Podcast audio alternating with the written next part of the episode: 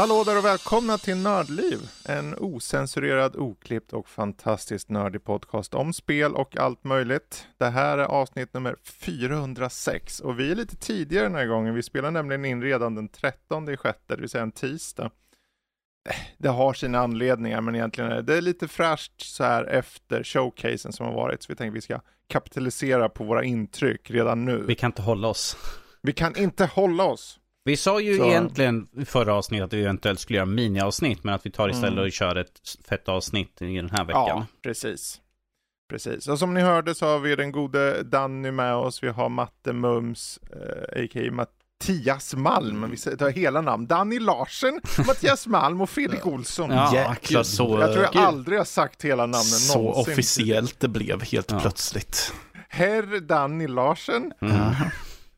Konstapel Malm, Konstapel. oj, oj, oj, nu fick jag... jag, länsman Olsson, Nej, Fänrik jag- Olsson. jag, gillar, Fänrik Olsson. jag gillar att Danny bara var här, men både Fredrik och jag ska tydligen ha arbetstitlar. Ja, ja, men jag önskar att folk sitter hemma på mitt feta arsle och spelar spel istället bara. Ja, det var du som sa det. Ja, Supergamer Master. Wig to wham. Wig to the Wham. Idag kommer det bli mycket snack om showcase, det kan jag säga redan nu. Att vi kommer fokusera på hela nyhetssektionen kommer vara där. Det, det har säkert hänt andra saker där ute. Men det skiter vi. Ja, Det det kommer finnas gott om saker i showcasen. Det är tämligen oviktigt. Ja, jag menar är det något som ni kommer på? Ja men de hade ju precis hittat eh, ny krypto i Nigeria. Ja då kan ni Uh, dra till med det om ni vill. uh, nej. Eh, bra. Eh, men vi kommer försöka att ta något enstaka spel, kanske någon film eller liknande sen. Efter vi har gått igenom i sju timmar med showcases känns det som. Mm. Men jag tror det kommer gå snabbare än man tror. För om vi, vi kan väl hoppa rakt in på, på nyheterna. Eh, som i det här fallet är showcase. Jag tänkte vi börjar med Devolver Digital för den var minst. Jag går lite efter mängden spel. Okej. Eh, Mm. De hade fyra spel som jag kommer ihåg det och det var Wizard with a Gun, Taylor's Principle 2, Baby Steps, något udda spel man styrde en, ett ben i taget. Ja, en det, gubbe. en av skaparna är ju Bennett Foddy som har gjort det här Getting Over It, där man är en snubbe i en, eh, vad, vad heter i en kittel som ska ta sig Jaha, över en Ah, bana med hjälp av bara en åra. Okej, ja då förstår jag den där knäppa humorn där. Och Ja. så Human Fall Flat 2, som kanske någon ser fram emot. Det var ett showcase i, på klassiskt uh, Devolver-maner med eh, humor, Ja, typ.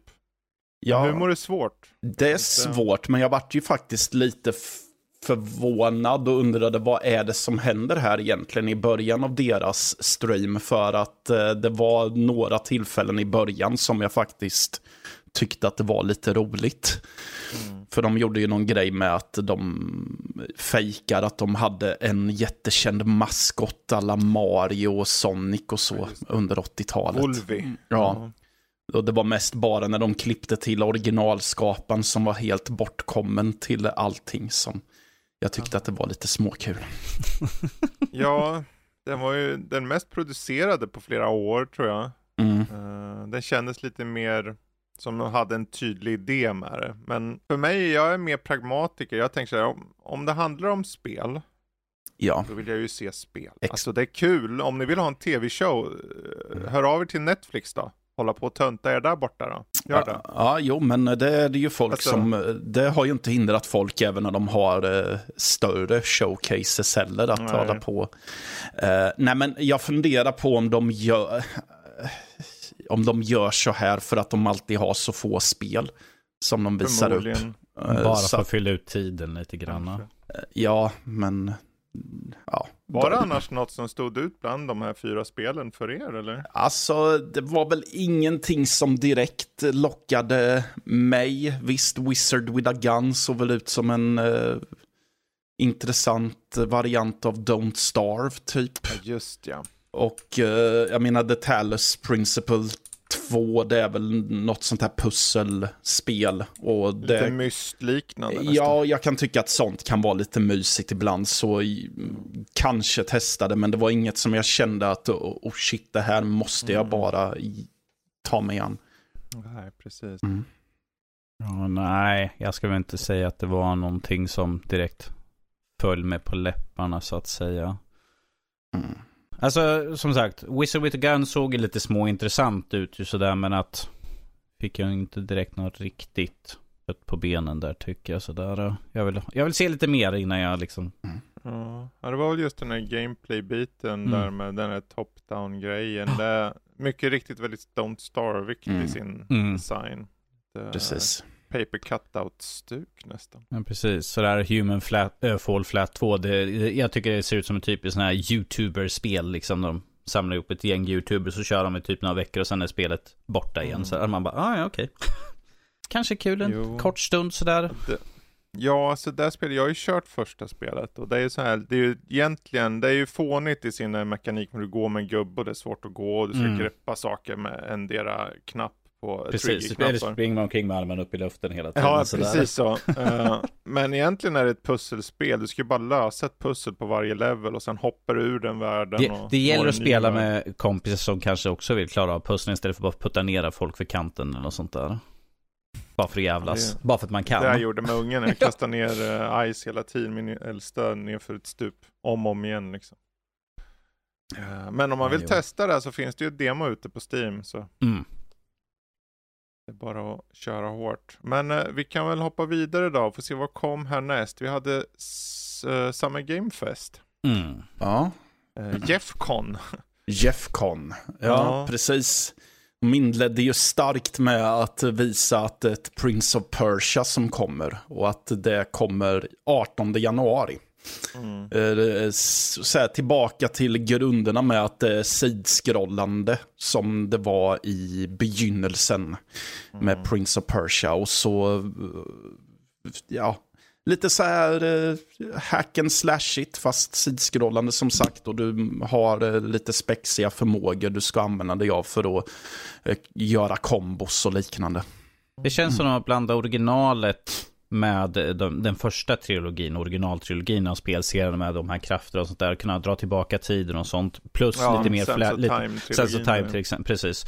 Lite, och lite flashigare attacker och sånt Mm. där. Det är lite svårt att kanske göra superflash i 2D-plan sådär med att det ser väldigt maffigt ut. Och det ser ut att kunna bli lite klurigt när man skulle göra sådana här dash över vassa kristaller, hoppa på en vägg, studsa Mm. tillbaka, undvika kristaller och så göra en dash till igen. Så man bara, "Ugh, eh, eh, eh, kan jag klara av sånt längre? Har jag, har jag förmågan att spela så?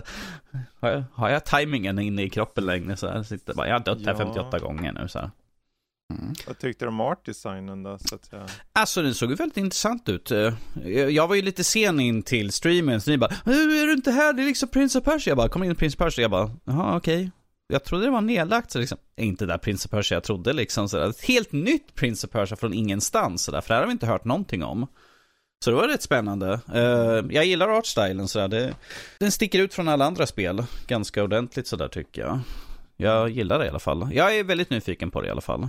Ja, och det är Montpellier. Mm. De som gjorde Rayman Legends och Rayman, Rayman Origins. Och de spelen var ju väldigt bra. Mm. Eh, så att de har ju den där sidskrollande plattformandet klart liksom. Precis. Mm. Eh, och det fick datum i alla fall 18 januari. Jajamän. Att, eh, Mm. inte allt för lång tid kvar. Nej, men precis. De som vill slita ur ryggrader på sina eh, motståndare får ju sitt lystmäte i eh, Mortal Kombat 1 som kommer 19 september. Eh, sen så, ja, vad har vi mer? Vi fick se lite mer av att Nick Cage, Nicolas Cage, kommer att vara en spelbar karakt- karaktär i Dead by Daylight från 25 juli. Eh, de som har varit sugna på, de som är rädda för att de kommer att tröttna på Street Fighter 6 i höst. Kan vi glädje med att det kommer en crossover mellan med X och Primal. Ja, det var nog en lamaste jävla så här. Alltså, de, de, de, de är ganska, vad ska man säga, de tror i alla fall på sitt det här Exo Primal känns det som. Mm, jag precis. tycker det ser så bärst ut bara. Ja, Det är precis. därför de måste göra crossover med Street Fighter. Ja, det är väl ett enda sätt att få igång lite hype kring det kanske. Jag tror det. Eh, sen vet jag inte riktigt om vi ska se på det stora. Ett spel jag är intresserad av som heter Witchfire får Early Access i september. Mm. Uh, uppföljaren till Remnants from the Ashes, eller vad det hette. Uppföljaren där kommer i juli. Precis. Ehm, 25 så- juli kommer det. Precis. Remnant precis, vi fick se lite mer från Alan Wake 2. 2. Mm. Eh, sen var det ju lite överraskningar med som till exempel att de visade upp ett en zombieskjutare med John Carpenters namn på. vid just namn ja. Toxic Commando. Så sen... Undrar vilken roll han har i det. Gör han musiken bara? Liksom, det känns som att han bara slänger på sitt namn. Det kän- eh, känns som att det faktiskt kan vara så. Vä- väldigt mycket så. Ehm, vi fick se mer av Spider-Man 2. Mm. Eh, ja, eh, Final Fantasy 7 Rebirth fick vi se en tra- cinematisk trailer på. Mm. Eh, kommer 2024. Eh, ja. Ehm, Ja, ehm, de hade ju datum för Lies of P. Mm. Precis. eh, 19 september och det, det är ju bra. Den shapar upp mer och mer. Den ser ju intressant ut. Det är väl bara den här Souls-aspekten som gör att jag är lite mätt på just Souls efter Elden Ring sådär. Men Ja. som sagt, det finns ju ett demo ute som man kan ju testa på bara Ja. för att se liksom, äh, kommer jag kanske uppskatta hur, hur Precis, spelet ja. är? I, Ja. när man Och där spelar har vi något gemensamt för nästan de flesta av de här uh, showcasen, att det finns demos på Steam på väldigt många av de här spelen faktiskt. Mm. Precis, jag kom på det att eh, de som är rollspelsugna har ju Baldur's Gate 3 och ser fram emot sista augusti. precis. Där, men det vi- visste vi redan om va, egentligen, eller hur? Ja, det hade redan det datumet. Ja, Ehm, men då visar de lite mer och det är så här, ja, fine. Nu börjar det bli finaliserat liksom. Och det är kul. Mm. Ehm, jag har ju avvaktat och petat på det där. Det, det, Early Access först, förstör lite av skärmen med att vänta in ett spel ibland. Så här. Så, Ja, men- Det släpps och då är det inte klart och så får man en, en felaktig bild av hur det är. Och sen när det väl släpps två år senare, då är man så här, ja. En axelryckning. Mm. Mm. Nå- något jag tyckte var kul att vi fick faktiskt nu se lite grann mer från Banisher Ghost of New Eden. För att det som vi har sett innan nu var ju bara en cinematic. Mm. Där, då huvudkaraktärerna sitter och pratar med varandra och det visar att hans tjej, fru, jag vet inte vad de hade för relation, är ett spöke. Men att här fick vi se Ja. lite mer gameplay och hur vi kommer kunna liksom gå mellan karaktär, eller hur man kan använda liksom karaktären, att man kan använda hennes, Precis. hennes spöklika krafter för att liksom slå ut spöken och sånt. Så det tyckte jag var lite kul att vi fick se lite mer. Sen fick vi ju väldigt mycket mer köttande i Warhammer 40K Space Marine 2. Mm. Som vi fick se gameplay ifrån och det såg ju riktigt köttigt ut måste jag säga. Väldigt blodigt Mm. sådär. Så jag gillar det. Och det kunde vara upp till Mm. tre player co-op var det väl? Ja, För jag inte minns mig helt fel. Vilket jag bara, ooh, Ja, och har du något att se fram emot i vinter? precis. Så Mm. jag menar, Ja. synd Mm. att klaga liksom. Jag, jag bara, mm, ja, ja, jag kan, jag kan nog kötta lite grann sådär. Ja. Och, jag, och jag, också för de som kanske redan känner sig klara med Diablo 4 ska ju Path of Exile 2 fick vi också Mm. uppvisning Mm. ifrån. Eh, och vi satt, vi satt ju där när vi pratade liksom, och det var liksom så här, "Ja, men varför ska man köra Path of Exile 2 när man har Diablo och sådär? Ja, jo, men de är ju snarlika, men att det finns ju några skillnader i alla fall. Så att de, Ja, det är ju, Path of Exile är ju känt för att vara extremt eh, hardcore. Ja. orienterad. Om, där Diablo är mainstream och lättillgängligt i sin liksom, kontrollschema så är det Mm. typ en miljard knappar och hur många förmågor som helst. Framförallt förmågor, Ja. uppgraderingar och sånt. Ja. Path of Exile. Och eh, på tal om early access och så som vi pratade om förut i januari så finns det ett spel för alla som tycker om Pokémon men känner att vet ni vad som skulle göra Pokémon bättre? Det är om de hade skjutvapen. just det. Ond råd. ja, sa vi, sa vi Palworld som kommer till early access i januari. Mm. Vi såg också att eh, det här uh, Sagan om ringen-spelet med dvärgar, Return to Moria, Mm. kommer i höst. Eh, Just så. det. Mm. Eh, Vi fick också Like a Dragon-guiden, The Man Who Raised His Name, 9 november. Mhm. Eh, och det är så här, några av de här spelen, jag tänker bara om, för mig personligen, om jag kollar på alla de här spelen, vi nämnde ju Spiderman och där fick ju ett exakt datum 20 oktober för övrigt. Mm. Eh, Ja, just det. Det var ju ett, ett ganska så stark line-up, men det är ganska eh, varierat, är det snälla ordet. Man kan också säga splittrat, att det är väldigt, mm, väldigt brett så. Um, och det är inte fel, men det kändes lite ofokuserat. Det är som de slutade med Final Fantasy 7 Rebirth. Mm. Och då var det fortfarande så här tidigt 2024 stod det. Mm. Och det var lite, lite lojt kände jag. Jag kände att det inte var riktigt Ja. Eh, det var inte uh, dåligt så, men... Uh... Nej, men jag tänkte på det när jag såg på en annan showcase. Jag tror att om det var Future Game Show. Där mm. jag blir lite så här att, ja men alltså det är ju inget fel på eventet i sig. Nej. Men jag tror att flera av dem skulle nog ta lärdom av att de skulle nog behöva skala bort mängden spel de visar upp. För Precis. visst är det kul att se en massa reveals och trailers och grejer, men man blir så matad med mm. så att man till slut knappt ens orkar ta in vad det är man har sett för någonting. Ja. Och att det är så mycket småspel som i alla fall jag inte riktigt känner att jag är jättepepp på också. Mm. Mm. Har ni några spel som står ut då på Summer Game Fest? Några som, det här, det här kan jag nog tänka mig att skaffa. Alltså, jag är ju nyfiken på Alan Wake 2. Mm. Mest för att jag har inte spelat förra spelet. Så jag tänker att ja, men det där ser ju tillräckligt bra ut för att eventuellt vara en första bekantskap. Eh, jag tycker att Witchfire ser intressant ut, men då mm. har vi ju återigen bekymret att det kommer till early access, men jag kanske kan välja att förbise det. Så. Det var väl det som stod ut tydligast för min del i alla fall. Mm. Danny då? Ja, ja vi... Ja, Spiderman 2 är ju, är ju självklart. Jag har ju kört båda två och recenserat en av dem. Så där vet jag liksom vad jag får. Eh, men som sagt, eh, Banisher, jag var väldigt intresserad av den när jag såg den första gången. Jag tyckte om liksom konceptet och nu när jag fått sett lite mer på hur det faktiskt fungerar rent gameplaymässigt så blir jag lite mer nyfiken.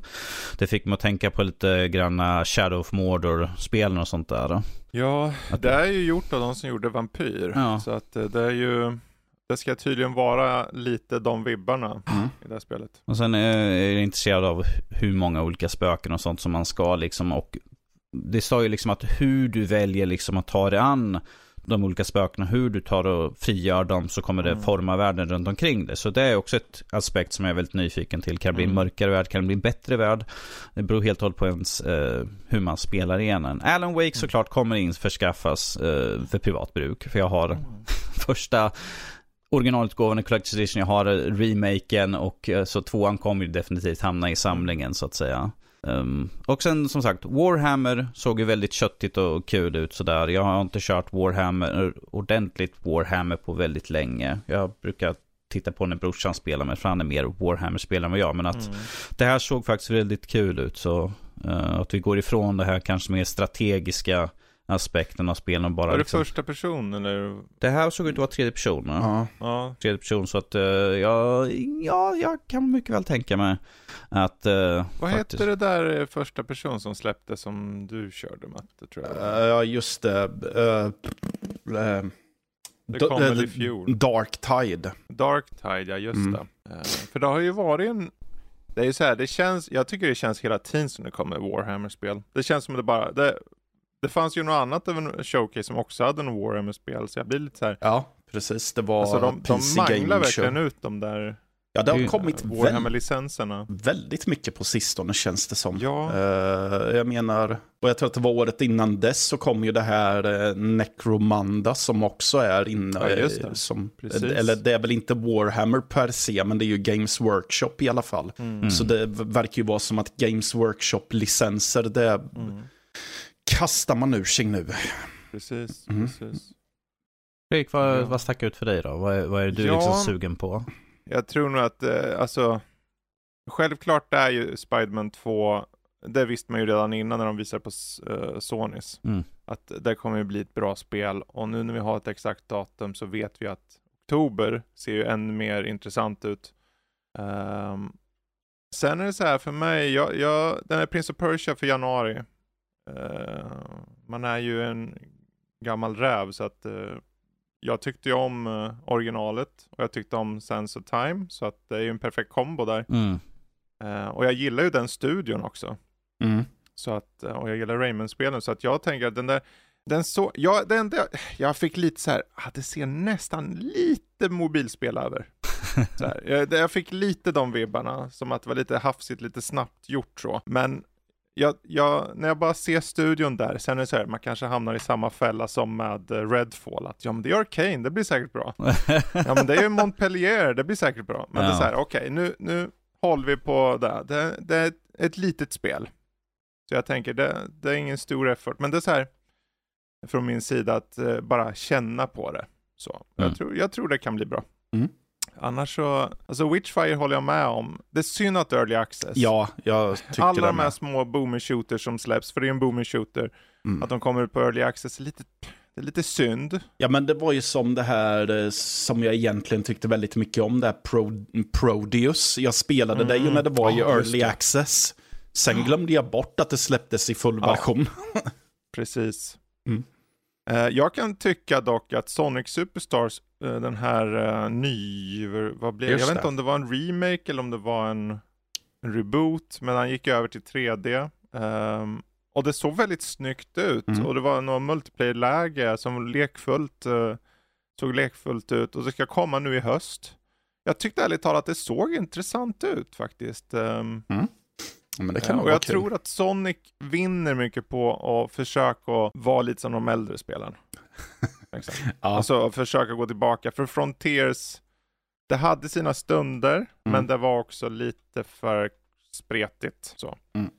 Ehm, Sandland, den här Akira Toriyama eller vad han heter. Mm, just det. Eh, hans, eh, han som gjorde Dragon Ball. Mm. Eh, det är ju ett slags open world liknande eh, jag fick Borderlands-vibbar fast med story som faktiskt är en story. Ja. Ingen illa ment om Borderlands, men det är ju en looter shooter ute i fingerspetsarna. Ja. På gott och ont. Eh, Men det här verkade ha någonting mer. Jag, jag personligen känner ju, jag tycker ju inte så mycket om hans design på karaktärer. Det, världen tycker jag om och uppbyggandet, men karaktärer överlag, Dragon Ball, jag tycker det är ganska oattraktiva karaktärer för mig personligen. Men eh, jag kan förstå att det åtminstone är en säregen och en unik stil. Så det ska jag ge. Eh, Så det, jag tror den kan vara värd att hålla utkik efter, men den hade ju inget datum alls, Nej. ens år tror jag. Nej, alltså jag tyckte att det såg ut som att det kunde vara kul också. Men Mm. som sagt, det, det känns som att det mest var en reveal av att det här existerar. Och förhoppningsvis kommer det nästa år. Dock kan jag ju säga, jag tycker ju synd om här som gör den här Sagan ringen-spelet, Return to Moria. Mm.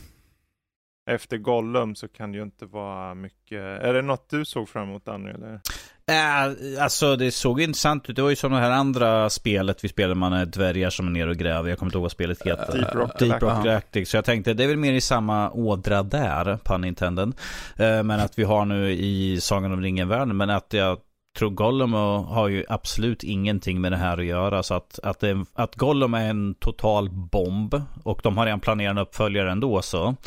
Eh, På Uppenbarligen. Gollum? På Gollum, yes. Eller att de ska göra mer Sagan om ringen-spel, den studion. Jaha, Eh, ja ja det vet jag, de hade ju licensen. Det Precis, sagt men, så att, så att släpptes, eh, så. det har ju absolut, tar ju absolut inte ifrån det här. För att du vet ju att, liksom att det är två helt skilda spel och ja, och genrer. Så, olika det, så där kommer utvecklare framförallt. Precis, så där kommer det inte påverka alls tror jag inte. Att det är Sagan om ringen, det spelar ingen roll. För att ifall man tittar på gameplay och tittar på Gollum som var fult och man bara, varför har de gjort det här spelet från första början egentligen? Så där, så.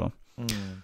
Eh, men nej, det tror jag inte. Det är, som sagt, det ser intressant ut. Ifall vi får tillfälle så det vad jag gärna testa på i alla fall. Sådär. Ja definitivt, jag menar det ska ju släppas nu i höst. Mm. Det är väl där, om, man, om vi ska sammanfatta Summer Game Fest då. ehm, det hade en del russin Mm. som var värda att plocka ut för de som gillar russin. Kanske en chocolate chip cookie och plocka ut chokladbiten. Ja, ja, men det, det kan jag gå med på. Det kan du gå med på. Ja, det kan jag. Det, det, var lite luddigt bara med vissa datum. Vi fick datum, man ska inte vara för girig som att Nej. man vill ha datum på allt. Alltså man får vara glad att det har ett event och att, eh, att vi ändå fick titlar. Vi fick Spiderman och allt vad det heter. Och jag menar herregud, till och med de här Quantic Dream släpp, hade ju med ett spel som heter Under the Waves. Ja, just de som det. har gjort de här Beyond Two Souls och allt det där. Ja, men de, Eh. jag gillar ju deras spel, så det lär jag ju också. Så att jag tror pröva. att det här har potentialen att ha spel som är, går lite under radarn. Sådana här spel Mm. som kanske man tänker, ja men det kanske är bra. Och sen sätter man med sig och bara, oj det här var superbra. Mm. Vi vet alla att matte sitter i höst. 20 september, Party Animals. Ett Xbox-spel, man kör massa djur som knuffar runt varandra och har sig. Japp. Eller inte. Ehm, ja, ja, men det, jag vet inte, är det något sista ni vill säga om just det här eventet? Vad ni tyckte eh, i allmänhet om det och så eller? Alltså, jag, jag tycker bara säga att jag tycker att det var helt okej. Det, var, det fanns för alla egentligen. Så att jag tycker att det är det som är dess styrka. De har, det är mycket spelvaror. Och man satt där liksom, när det kom till spel som man inte var själv intresserad. Men att man får ju tänka liksom att det, det finns en massa andra som ser fram emot den här typen av spel. Så att man, jag är glad Ja, att det det- finns för alla. Liksom att det, det, att det är ett välrundat show i alla fall med något Mm. för alla i Ja, men- spelvärlden. Ja, men och som spelintresserad är man väl... Så är det väl bara kul att se att det faktiskt är saker på gång också. Ja. Att man ser att det fortfarande får bekräftat att det gör spel fortfarande. Precis. Precis. Um, apropå spretighet, vi kan väl hoppa över till PC Gaming Show då. Uh, ja, uh, Som precis. var, jag vet inte, var det två timmar och sen bara sprutar de ut uh, Ja, men på tal om med- det du sa innan, att när du ser på ett spelevent så vill du se spel och inte så Mm. mycket trams. Eh, PC Gaming Show har ju länge varit att det, det är någon slags märklig grej att de vill vara seriösa och visa upp speltrailers och grejer ordentligt. Men de ska också hålla på och spexa väldigt mycket. Och det tar väldigt mycket tid i anspråk, känner jag. Lite onödigt så. Och, men här, här fick vi en jävla massa spel på ren svenska. Vi, ja, nej men de, jag tror att jag läste det innan vi ens eh, tittade på eventet, att de skulle visa upp 55 trailers eller något sånt. Ja, just det. Så det är ju, mm, här har vi verkligen alla spel överhuvudtaget känns det som. Och så ska vi försöka då hitta lite höjdpunkter där. Ja, de visade upp eh, Frostpunk 2.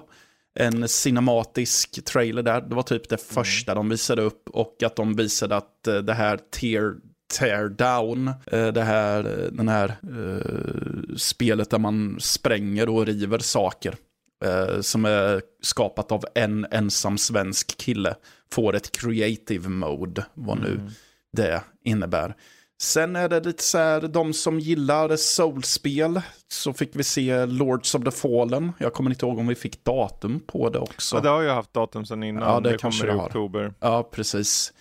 Eh, ja, ehm, så vi fick... eh, eh, jag fick se en cinematisk trailer, lite så, för ett spel jag är intresserad av för att jag är nyfiken på hur det är. Och det heter The Invincible. Som är något, man är Just på en eh, övergiven planet av något slag och utforskar och så är det väldigt uh, story-drivet och så. Mm. Ehm, ja. Ja, jag tror för mig stod nog bland annat Nivalis ut mest. Eh, eller i alla fall en av de som stod ut mycket i alla fall. Och det var den här cyberpunk-estetik-spelet med så här Ja. voxelerad värld fast riktiga karaktärer typ. Jag håller med. Ehm, och då skulle man, men jag vet inte om det kommer vara något för dig för man ska ju driva ett företag och massa restauranger och grejer tydligen. Ja, ja, men det... Eh, Men det hade, det verkade vara ganska lite, lite av varje så här, lite olika saker i det där spelet som jag tyckte, men det här ser väldigt fräscht ut och designen på spelet kändes fräsch och sen är jag ju en sucker för just den typen av estetik så det är ju förstås, jag gillar ju den där Mm. eh, cyberpunk-estetiken. Så att eh, den, den tror jag kan bli intressant. Det är ändå 5 och 5 Games som släpper det som eh, utgivare då. Mm. Eh, och de brukar ändå, tycker jag, släppa relativt intressanta titlar. Men 2024 kommer den.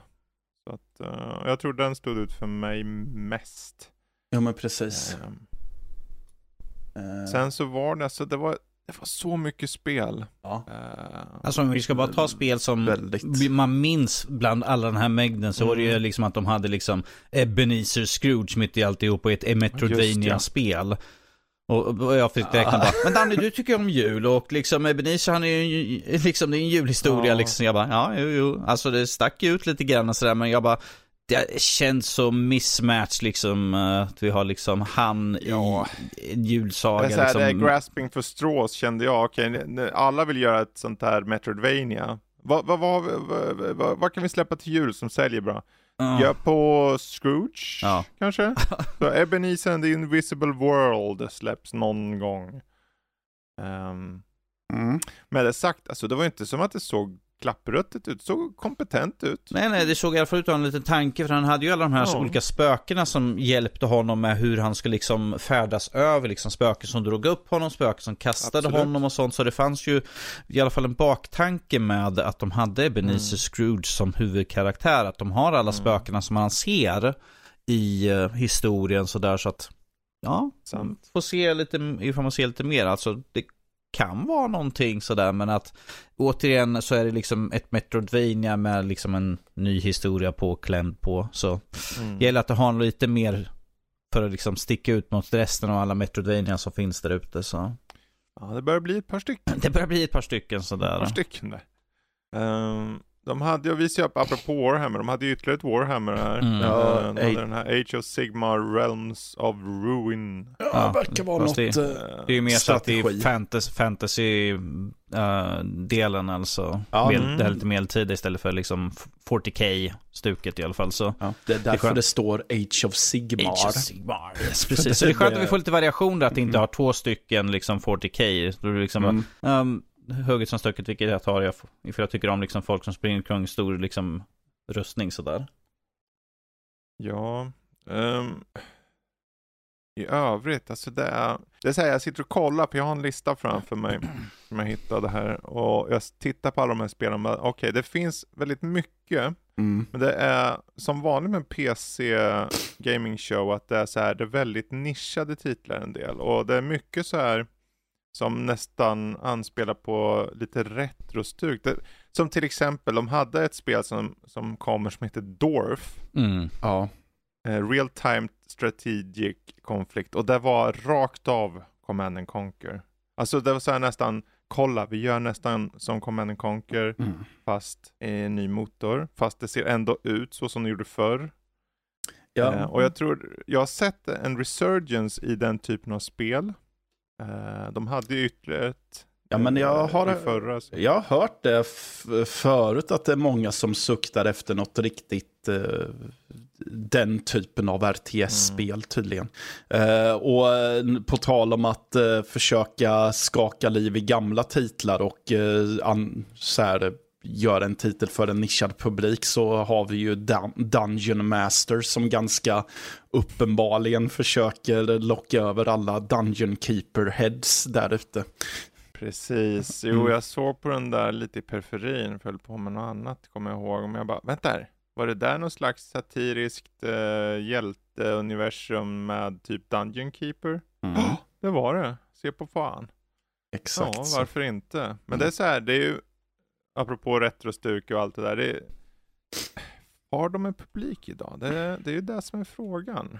Uh, för det är ju, Uh, jag vet inte, det måste vara svårt ändå. För det är ungefär som om, om vi går tillbaka till de här RTS-spelen. De har ju gått runt så pass långt så att vi, det började med Command Conquer då för 1000 år sedan.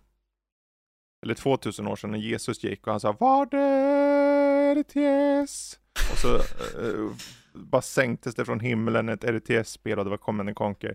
Men det har ju gått så lång tid sedan dess så att sen gick det ju vidare till att ha så här hjälteenheter och det skulle vara så mycket mer strategiskt så att idag så tänker folk Alltså jag vill bara bygga en megaarmé, bara ströva över kartan och bara mosa snoret ur min motståndare. Mm. För att det har gått ifrån det. Det har inte funnits sådana RTS. Nej. Och samma sak kanske är då med, med Metroidvanias, med Dungeon Master och allting, att det liksom att vi kommer se en resurgence ännu mer med den här typen av ni vet de där 90-talsspelen? Nu kommer de igen, fast lite moderniserade.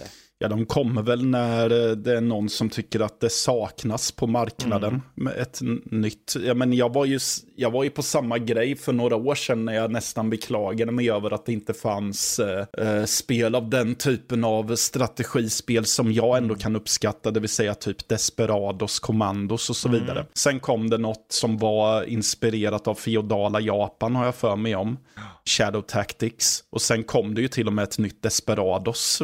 Ja. Så uppenbarligen De var är det på nå- G nu, den genren. Ja, för det kom ju ett som heter The Last Train Home som verkar vara lite Mhm. åt eh, det. Och jag, s- det är klart att jag är lite nyfiken på det. Eh, Just för att det verkade ha, det verkar inte vara så mycket att du nödvändigtvis spelar som ett gäng supersoldater, utan det verkade vara eh, något annat mer emotionellt bakom också. Mm. Även om det är i, eh, jag tror att det skulle vara i slutet av typ eh, första världskriget eller något sånt som det utspelar sig i. Just. Mm.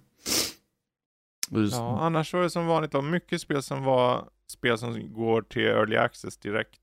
Ja. Jag, först blev jag så här, åh de har datum på, jaha det var early access. Ja de har datum på det, jaha det var också early access. Eh, och det, då blir det lite så här, lite synd tycker jag. För att, Det, det är ännu värre när det kommer, åh det är ett datum, jaha det är för när de ska visa upp mer av spelet. ja, precis.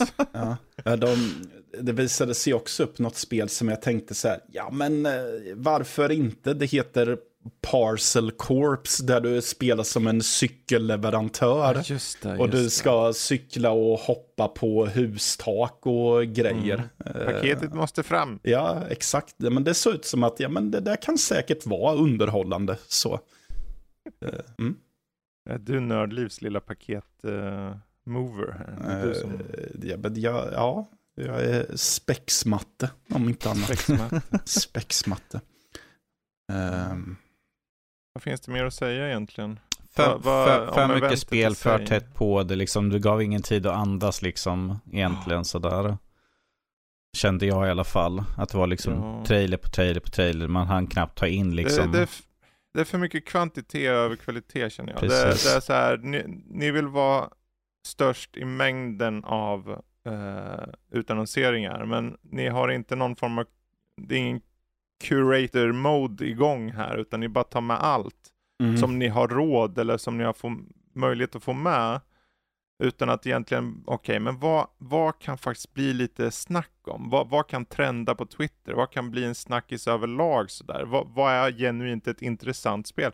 Det fanns spel, Ja, men överlag var det mest så här, okej, var early access, det var något spel som eh, kanske är så här en hommage Ja. till något annat. men så var det för, jag för mig om att de var duktigare på det förr, men det var väl när de fortfarande gjorde det under E3s paraply, mm, tror jag. Och då kanske det fanns lite mer restriktioner Restriktioner, med precis. hur långa deras eh, konferenser fick vara och eh, hur mycket spel och så. Ja, kanske. Mm. Det kan ju också bara vara att det inte är ett bra år. Det Alltså, kan ju vara Ibland så. så är det bara så att det inte finns några spel de kan få in. Liksom. Mm. Kanske. Ja. Mm. Ja, ja, men precis. Och, mm, mm. det, det är väl också så här att eh, de, de kan ju ta jävligt mycket spel också. För att, eh, ja men, nästan allting kommer ju till PC. Alltså alla typer av spel kommer till PC, så då eh, känns det som. Så då d- blir det ju väldigt mycket att välja mellan. Och om alla dessutom skickar in eh, trailers för att ja men det här kan ni visa upp på ert showcase. Ja, vi tar Mm. in alla. Ja. Vad känner du då Danny rent generellt för PC Gaming Show? Nej, som sagt, det var lite för mycket liksom. Eh, att det malde på så mycket att liksom när man kom till slutet då satt man och funderade så här liksom. Vad var det för något de visade i början igen? Det var någonting som, det var, det var något intressant. Nej, jag kommer inte ihåg längre för det har varit så mycket emellan. Sant. Eh, det, jag menar, ett i alla fall är ju The, Invincible. Mm. De är ju det här sci-fi utforskaräventyret i alla fall. Fast det har jag vetat om sedan tidigare så att det var ju liksom Mm. när, när den visades upp, jag, ah, men det är det där spelet, ja men det har jag liksom Mm. haft koll på. Och därför kommer jag ihåg det, men det är så mycket spel, jag, jag har suttit och scrollat igenom på den här listan jag har. Mm. Eh, och jag bara, kommer inte ihåg, kommer inte ihåg, kommer inte ihåg. Ja. Oh, det här spelet, just det, det var med. För Ja, att det är så mycket spel. Jag fick en sån nu med ett spel som heter Islands of Insight som är ett, eh, också ett första persons pusselspel. Men här var det att du liksom använde dig av att du fotade omgivningen och sen så får du fotat att liksom eh, stämma överens med eh, omgivningen så att det blir lite som Mm. eh, Ja, lite ja. Det såg Just det, väldigt ja. intressant ut tyckte jag. Linea upp en fotografi och Ja. sen så blir det en del av eh, världen. Liksom. Precis. Det tyckte Ja, jag såg det. spännande ut för att det ser ut som att Det det... kan ju vara så här att man sitter så här, ah, jag kommer inte ihåg, det var så spretigt. Men när man sätter sig, man kollar individuellt på alla spel liksom, så kommer ja ah, just det, det här. Jag Mm. satt nu och slog, slängde in här Mullet med Jack, som Ja. var ett helt galet Jag tänkte eh, nämna det boomer förut. shooter, Eh, liksom. En boomer shooter som ser ut att, eh, som har art style som en psykotisk serietidning ungefär. Mm. Mm. Precis, så det finns ju guldkorn, men det är så här, Ja. det är svårt i efterhand. Det är, när, de, många av de andra showcasen är lite mer fokuserade. Det känns som att de vet vad de, vilka spel som är de stora spelen och sparar på det. här. Det kändes inte som att PC Gaming Show visste riktigt vad som var stort, utan bara släng ut allt. Ja. Men fine, fine. Bra, men vi kan väl, eh, vi kan väl hoppa vidare då. Ehm, Mm. då är frågan om vi kan spara Xbox till sist, då kan vi hoppa, det blir lite fram och tillbaka. Men Mm. jag hoppar till Ubisoft då. Ja. Eh, Danny, vad säger du? Ubisofts showcase, vad stod ut? Eh, vad som stod ut? Ja du, eh, vi fick ju mer gameplay på Prince of Persia The Lost Crown. Eh, så det tyckte jag var lite trevligt att vi fick lite, lite längre och sånt. Mm. Eh, sen var det ju... vi- Vi fick tekniskt sett på Skull and Bones, men det var en sea shanty de stod och sjöng medan de visade upp lite grann i bakgrunden sådär, vilket Just kändes som var totalt slöseri på tid. Ja, och det var väl Eh. dessutom för en stängd beta de... Ja, precis. Just det, precis. Det, det är ju en till beta på den, så att den kom, vi har redan spekulerat att den kommer inte komma i år. För de skulle, när det var, var i oktober eller något sånt där, september, oktober som den stängda betan skulle vara. Ja, Så att ifall de har en stängd beta så sent och sen kan de ha en till öppen beta, för det har de alltid haft. 25 till 28 augusti. Ja, för de brukar alltid ha en stängd och sen har de öppen för att liksom fläska på. Så att jag känner mig väldigt skeptisk att det kommer komma överhuvudtaget i år. Eh, vad hade vi mer för någonting? The Crew Motorfest. Som vi alla satt där och oade åt. Eh, och sa att det Ja. eh, såg ut som Horizon. eh, trailer och gameplay och allt sånt. Och vi bara, det ser Mm. väldigt bekant ut den här trailern. Ja, ser ut som de har härmat lite grann och sådär. Forza Horizon ska vi väl specifiera Forza så att ingen tror att precis. det var ett bilspel som såg ut som Horizon Forbidden. West-spelet du vet bilspelet i Forbidden West, ja precis. Ehm, vi fick en massa Assassin, vi fick uppvisat Assassin's Creed Nexus som ett VR-spel. Ehm, och jag tänkte så här, kom igen, Playstation också, kom igen. Det är inte bara till, vad var det, MetaQuest 2 Ja, som det det. bara var till. Vi fick uppvisning av Assassin's Creed Codename Jade som är ett mobilspel. Ja. Vilket känns totalt meningslöst. Eh, och jag bara, why? Alltså det är ju slöseri med, jag, ty- jag blir så här, ni, ni slösar vår tid här. Det här är bara spel som är riktade mot en publik som inte är de som sitter här. Varför, varför utsätter ni er för det där? mm. De vet ju att kommentar... Det är bara kolla, nu hade de ju stängt av kommentarsfältet för den eh, jag tittade på. Jaha. Mm. Mm. Ehm, så att jag såg inga kommentarer, men jag kan gissa att eh, folk bara, ah, gud. Ja, jo, no, nej, folk var ju väl inte nöjda över det. Eh, vi fick eh, mer, mer, betydligt mycket mer på Assassin's Creed Mirage. Vi fick ju gameplay, vi fick ju se en, ett Mm. uppdrag genomföras i alla fall. Se liksom eh, Mm. hur deras eh, hidden, eh, hur deras eh, gömställe ser ut till exempel med uppgraderingar och sådana saker. De nya sakerna. De har blandat lite fritt. De har plockat liksom från eh, de gamla spelen och de tagit från de nyare spelen i serien så att säga. plockar med liksom blåsrör som var från, uh, oh, vad heter det, spinoffen, Man spelar hon uh, i The Bayou. Uh, Rogue eller vad är det för något? Ja, jag kommer inte ihåg vad den heter. Jag kommer inte ihåg vad den heter just nu. Men att de har, det känns som att de har plockat lite grann av de bästa bitarna från olika saker. De har olika vapen och sånt där. För att Mm. första spelet var det liksom, du hade svärd och kastknivar. Och här Mm. har vi liksom en stor myriad utav saker du kan välja. Och vad du ska uppgradera för att anpassa det till din.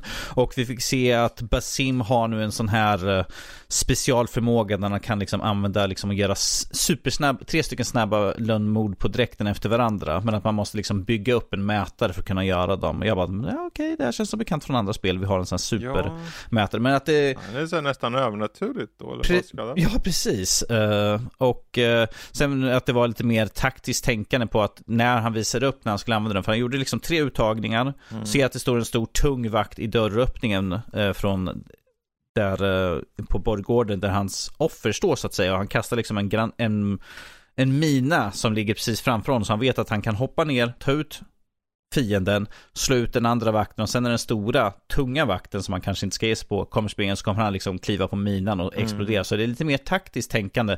Plus att en sak som de infört, att de har en, en, få, en örn, eller vad fan det var för något, som man har som man använder för Eagle Vision och sånt, att mm. nu finns det folk som kan skjuta ner dem.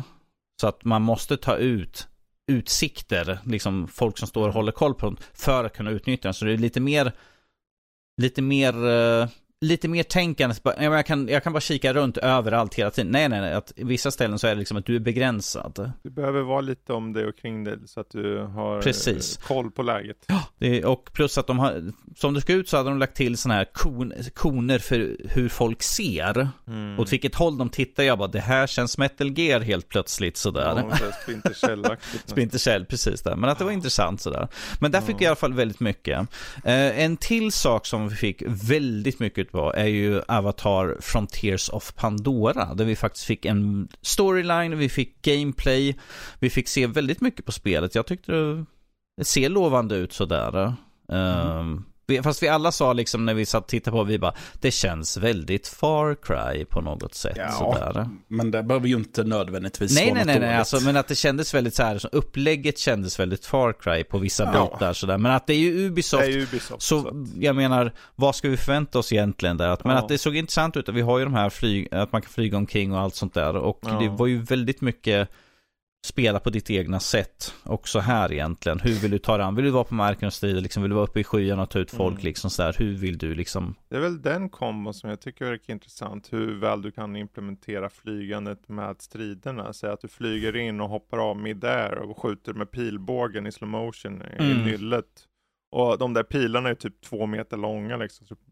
Ja, jo. Jag menar skjuter på robotar och de exploderar. Fast de har ju liksom att de man spelar som är, har blivit kidnappade som barn, tagit av människorna, uppfostrade och tränade av människor mm. och kunna lära sig liksom vapen och allt sånt där. Och sen blir de av någon anledning så blir de nedfrusna i 15 år och kommer tillbaka och måste liksom anpassas mm. till en ny värld. Och liksom veta vad är det vara en Navi. Så att jag tycker att det är intressant. Det, det blir för en, som en spelare blir inte liksom att, ah, ja men jag måste hoppa in i ett nytt liv som har levts. Nej, nej, det här är en helt ny, liksom, komma ut och lära dig världen Precis. igen. Så där tycker jag i alla fall är en bra instinktspunkt. Det, ju, det, här är ju rätt väg att gå tror jag, oavsett hur det blir i slutändan. Att de mm. väljer att göra en, en egen originell berättelse. Ja att de uh, säger men vi vill göra så här och sen får du utforska världen. Så att där har du ju något också. Du vet alla, då 2009 när alla bara, åh jag vill leva i, i Pandora eller vad fan världen Alla var deprimerade att det inte fanns på uh, riktigt. Nu kan ni det snart.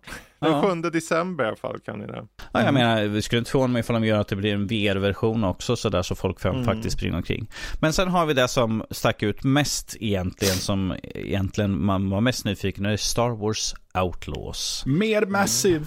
Precis, mer massive, precis. Från Frontiers och Pandora till uh, Star Wars. Ja, de, är de är i rymden båda i alla fall. Mm. Ja, ja precis. De är i rymden båda två. Men det här fick vi i alla fall den nya Star Wars-spelet från Ubisoft och då för mm. Ubisoft Massive.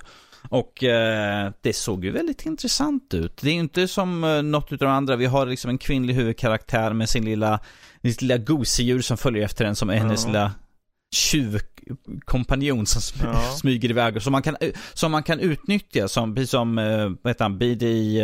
BD1. BD1, att man kan man liksom öppna upp den här lådan, låsa upp den här, splicea den här saken. Här har man det lilla husdjuret som liksom, ja men där borta är en knapp, kan du smyga bort och, och, slå igång den så kan jag liksom åka på en grej för att undvika att bli upptäckt. Så att man har ju liksom integrerat liksom att även för att det är liksom en söt liten sak så här som säljer till slut, i slutet sådär, men att den har en funktion i alla fall.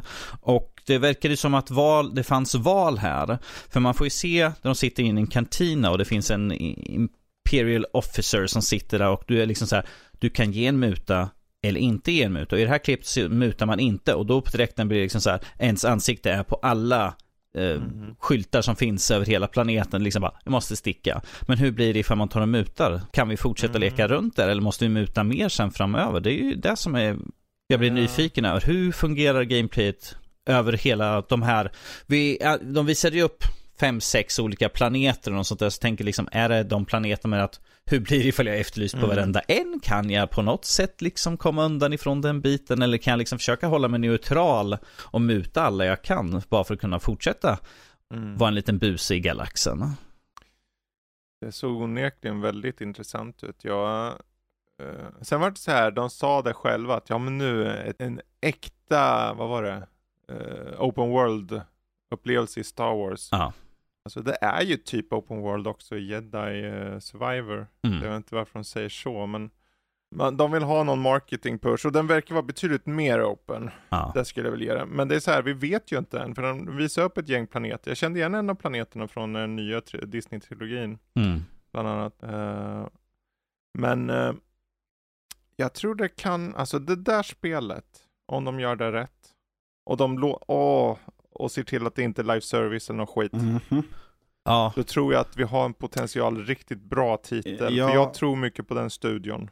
Fast, fast Fredrik, Ehm. problemet är att Ubisoft. Och de har ju sina mikrotransaktioner Jo, på alla jo, men saker. det är så här så. kosmetiskt. Ja. Det är Mm. så här, köp lite XP, fine. Men jag håller med om att jag också hoppas på det, för jag kom på mig själv med att känna att jag sitter nog och har ett genuint sug efter det, just det här spelet. Mm. Det tilltalade mig väldigt mycket.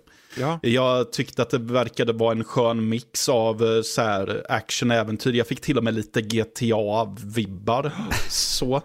Vid ett Precis. tillfälle. Och jag tycker, men framförallt är det för att jag kände att jag vill spela som den karaktären. mm. För de verkade så skön och cool. Bara. Precis. Och att eh, om det då...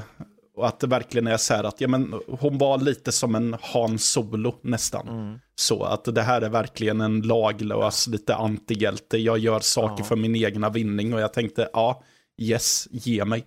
Nej men så jag Precis. hoppas verkligen att det inte, att de inte tappar vasen i golvet riktigt. ja, jag vart ju imponerad av. Nu så här, hur mycket av det här är på riktigt? Är det skriptat vissa saker? Vad är skriptat? Vad är faktiskt på riktigt gameplay och så? Men just om det nu det här, så att hon hoppade in i rymdskepp och flög upp och sen var du ute i rymden. Mm. Och så sköt du, hade dogfights och sen så är, verkar det vara open world nu, du åker till planeter och så är det liksom, du får göra val och Mm. allting så här. Just den där sömlösheten, att föra in även, för det är ju det, om hon är nu den scoundrel som har ett eget skepp och du kan göra dogfights. För mig, som en gammal eh, Star Wars eh, fantast, en gång i tiden var jag där i alla fall. Så, så är det där jag alltid ville ha. Jag tyckte ju om X-Wing vs TIE Fighter och den, men då tänkte jag mig jämt, ah, tänk om man också kunde göra riktiga äventyr med riktiga karaktärer. Mm. Och här verkar det vara något sånt. Så att, eh, och någonstans eh, att kunna skjuta lite och sånt, och bara vara lite äventyr och kanske stealtha ibland och, eh, och inte behöva ha den här lite souls-eska. Nu är det inte, det är ju inte så mycket souls i Jedi Survivor Ja. på det sättet. Det är mest hur du spelar, Ja, att du måste ducka och roll, rolla och så. Men jag vill ha den där. Ja. Skjut allt som rör på som jag vill. Ja, och vad jag också tycker är skönt är att nu vet vi ju inte hur det blir i slutändan, men jag tycker att det Nej. är ganska skönt att man eh, väldigt tydligt inte spelar som en eh, aspirerande jedi-riddare i alla fall. Mm. Så att man behöver nog inte hålla på med någon, en massa kraft, eh, mojänger och Nej, grejer. det kommer nog vara helt utan dig i den här Ja, tror jag. det- I alla fall för, för din. Ja, det ser ut. hon kommer säkert råka ut för folk som kan utnyttja Mm. kraften, men jag kände att, ja men skönt, då blir Mm. den nog en ganska ren upplevelse. Peppar, peppar i så fall. Ett äventyr. Mm. Det kändes lite nästan uncharted på vissa Ja, punkter. det också. Det, det jag är mest nyfiken för, i slut stod det 2024. Mm. Det, alltså där vi fick se såg väldigt polerat ut. Men vi, Mm. som vi alla vet, att de polerar alltid upp saker och ting Mm. inför liksom uppvisningar, speciellt på sådana stora mässor. Frågan är liksom, när under 24, om det blir 2024, för jag har sett spel som har liksom haft ett datum och så har de skjutits Ja. upp en lång tid framöver. För att det kom väldigt, väldigt, det har varit väldigt mycket nu på sistone tid. Vi hade liksom en sak som var under natten här nu som eh, blev uppskjuten ju från eh, Capcoms eh, spel till exempel. Ja, det är Pragmata. Pragmata som sköts upp. hade ju aldrig ett exakt datum. Ja, nej, nej, men att vi har ju sett väldigt mycket spel som har varit liksom, äh, vi är ledsen, vi måste skjuta upp. Det är väldigt många som Mm. har kommit ut på sista tiden egentligen sådär som, så att jag Mm. tänker liksom, det här såg ju väldigt färdigt ut, Mm. Mm. men eh, hur mycket man förlitar sig till det och 2024 visst, det är ett tag till 2024 och 2024 är, ett, är liksom ett helt år. Men då är frågan liksom när i så fall? Jag har bestämt mig för att jag är naiv och positiv i den här frågan. Så jag, Första januari, så jag säger att eh, det såg ju ganska polerat ut. Så det kanske kommer hyfsat tidigt 2024. Inte så tidigt som januari, men mars, april kanske. Ja. Ja, för... Alltså, det- eh, vad var det? När var det skall... Eh, Pandora... 7 december. Ja. 7 december. Och, ja, tid, vår. Vårkanten. Ifall det, skulle, ifall det skulle vara tidigast där. Men jag tvivlar starkt på att det blir tidigt. Jag tror som tidigast sommaren nästa år skulle jag säga i så fall. Ja, jag Sommaren, faktiskt- sensommaren, höst liksom. Sådär, den perioden. Jag liksom. vill att de släpper ju tidigt som möjligt. Mm. Om det är klart. Ja. Eh, men troligtvis skulle jag säga oktober, november snarare. Mm. Mest för att de alltid har ett oktober-november-spel. Ja, men då plockar vi fram Men, den eh, imaginära korgen och lägger våra pengar där i. Så får vi se vem som, får, vem som vinner korgen under I slutändan, om 2024. du vinner så vinner vi alla, Matte. Ja, jo, exakt. Så det är väl sällan jag är den som försöker vara eh, op- superoptimisten i gänget. Så nu kan jag go, go out on a limb och vara det lite så. Ja, Mm. annars om vi ser då till showcaset i sig. Jag tyckte det var en kavalkad av cringiga presentatörer. Vissa Ja. var otroligt långsamma, sävliga. Vissa var rent av jobbiga att lyssna på. Ja, men som han som Eh. hade The Crew till exempel var ju... Ja. ja. Och det är så här. Ni hade ju hon, vad heter hon som är så bra? Hon, den här mör, eh, mörka tjejen. Är det hon som hade Whose Line i Ja, sitt hon som Anyway? har Whose Line. Ja, eh, jag kommer inte ihåg vad hon heter. Hon i alla fall tycker Mm. jag var dunderbra. Och det är så här, de kanske sparar in pengar. De kanske inte har råd. Eller så kanske hon inte Aisha har tid. Tyler. Så heter ja, hon ja. hon. Mm. Du, jag Och tror hon- hon skulle nog ställa upp vilket som. Jag Tror tror jag. de skulle behövt det. De behöver den där som har karisman, som får ut det och berättar om det istället för att ha, för utvecklare som i vissa fall funkar det, ibland har man ju tur, men många gånger blir det bara styltigt och det är som den där killen som pratar om en jävla anime-tv-serie, Uh, Far Cry Blood Laserhawk. Dragon uh, spin-off-grejen. ja, Cap- Captain Laserhawk, A Blood Dragon Remix heter det. Han var Eh, pinsam. var så här, han, han kunde inte leverera, han var så jävla sävlig i sin, och, och samtidigt tyckte han att han var skitkul, Mm. vilket gjorde det hela mer cringe. Han stod liksom och väntade på publikens respons. Liksom. Han bara, Ja. ja, ja, ja, ja, kom igen, kom igen. Ja, att, det eh, men var- det överlag, Det var ju mycket så att man hörde hur publiken eh, vid flera prator, att man hörde att de nästan tvekade innan de började applådera. ja. Så. Mm. Ja. Men, eh, Det, det är nästan som man saknar att det kommer upp dansande hajar och sådana saker på och djur. har alla dansande hajar? Precis, Men, dansande eh, hajar, giraffer och allt sånt där som man brukar höra förut på E3-mässorna. Sådär. Det är nästan De- som man saknar det där istället för att se de här pinsamma presentatörerna. Sådär. de Och- rev, ju- Alla de rev ju av Just Dance det första de gjorde. Ja, jo, ja, precis. De gjorde Var det någon introduktion. dansande haj där? Nej. Nej, det var inte det. Fan, de hade inte ens det. Nej. Inte ens en giraff. Men sen, ibland, eh, sen ibland var det liksom att så grötig fransk Mm. engelsk dialekt där så jag satt liksom, vad fan säger han för någonting? Ibland förstod jag inte. Han Den, stod och liksom väl, visade upp. den är väl svår att komma undan eftersom att de är väl väldigt franskbaserade. Eller, De, de är extremt franskbaserade Ja. liksom det mesta. Så jag menar, had, men hade man föredragit om de hade pratat på franska och att någon hade översatt som de gör när eh, det är en asiat med i- emellanåt. De kunde väl ha, det är så här, vissa pratar ju bättre än andra och ibland funkar det ju okej så. Det är väl mest, ha på subs på allt bara då. Mm. Gör, Ja. gör det i förväg, men det är ju svårt när man, eh, när man kör live såklart. Mm. Ja. Men eh, jag menar på det stora hela, det var väl lite okej. Alltså, det är Ubisoft, jag har inte förväntat mig att de ska ha 40 spel, för de har inte 40 spel att ta av. Mm. Eh, så att uh, utifrån vilka det är som ju, gjorde showcasen tycker jag det var okej. Vi fick ett datum på det här Pandora-spelet från Avatar då. Vi fick, för de som ser fram emot det där, du nämnde ju förut, uh, The Crew Motors Fest. Ja. eh, 14 september. Och det är så här, ja, Forza Horizon finns. Samtidigt, det skadar ju inte att få lite konkurrens. Så om det mot förmodan är bra så då kommer det övervinna folk. Det är Mm. bara så enkelt det är. Gör ett bra spel så kommer folk till spelet tror jag mycket. Ja, ja så det såg ju inte, det såg ju inte oävet ut det vi fick se. Så, Nej, det är väl mest så här, finns det rum för det? ja, Finns det intresse? För om ingen köper så är det ju dödfött. Men, eh, och Mirage, jag tyckte om miljöerna i spelet. De såg eh, bra ut där i Bagdad. Jag tycker det är intressant för de har ju berättat att de har ju lagt till ett filter så det ser lite mer så här gråtonigt ut som för originalspelen såg ut bara för att det ska efterlikna Jaså. den, den grafiska Ja. liksom eh, stilen på originalet. De var ju inte så här supersnygga och allt sånt där. Och det var lite mer gråtonat för det var ju liksom Mm. precis då i Jerusalem. Att det var liksom inte så mycket färg. Så de har till och med gjort ett filter bara för att tona ner det. Jag bara, nej okej, så why not? Ja, är väl- jag, jag, jag tycker det är lite tråkigt det här med att vi får ett VR-spel och det är liksom bara MetaQuest och sen ett mobilspel. Mm.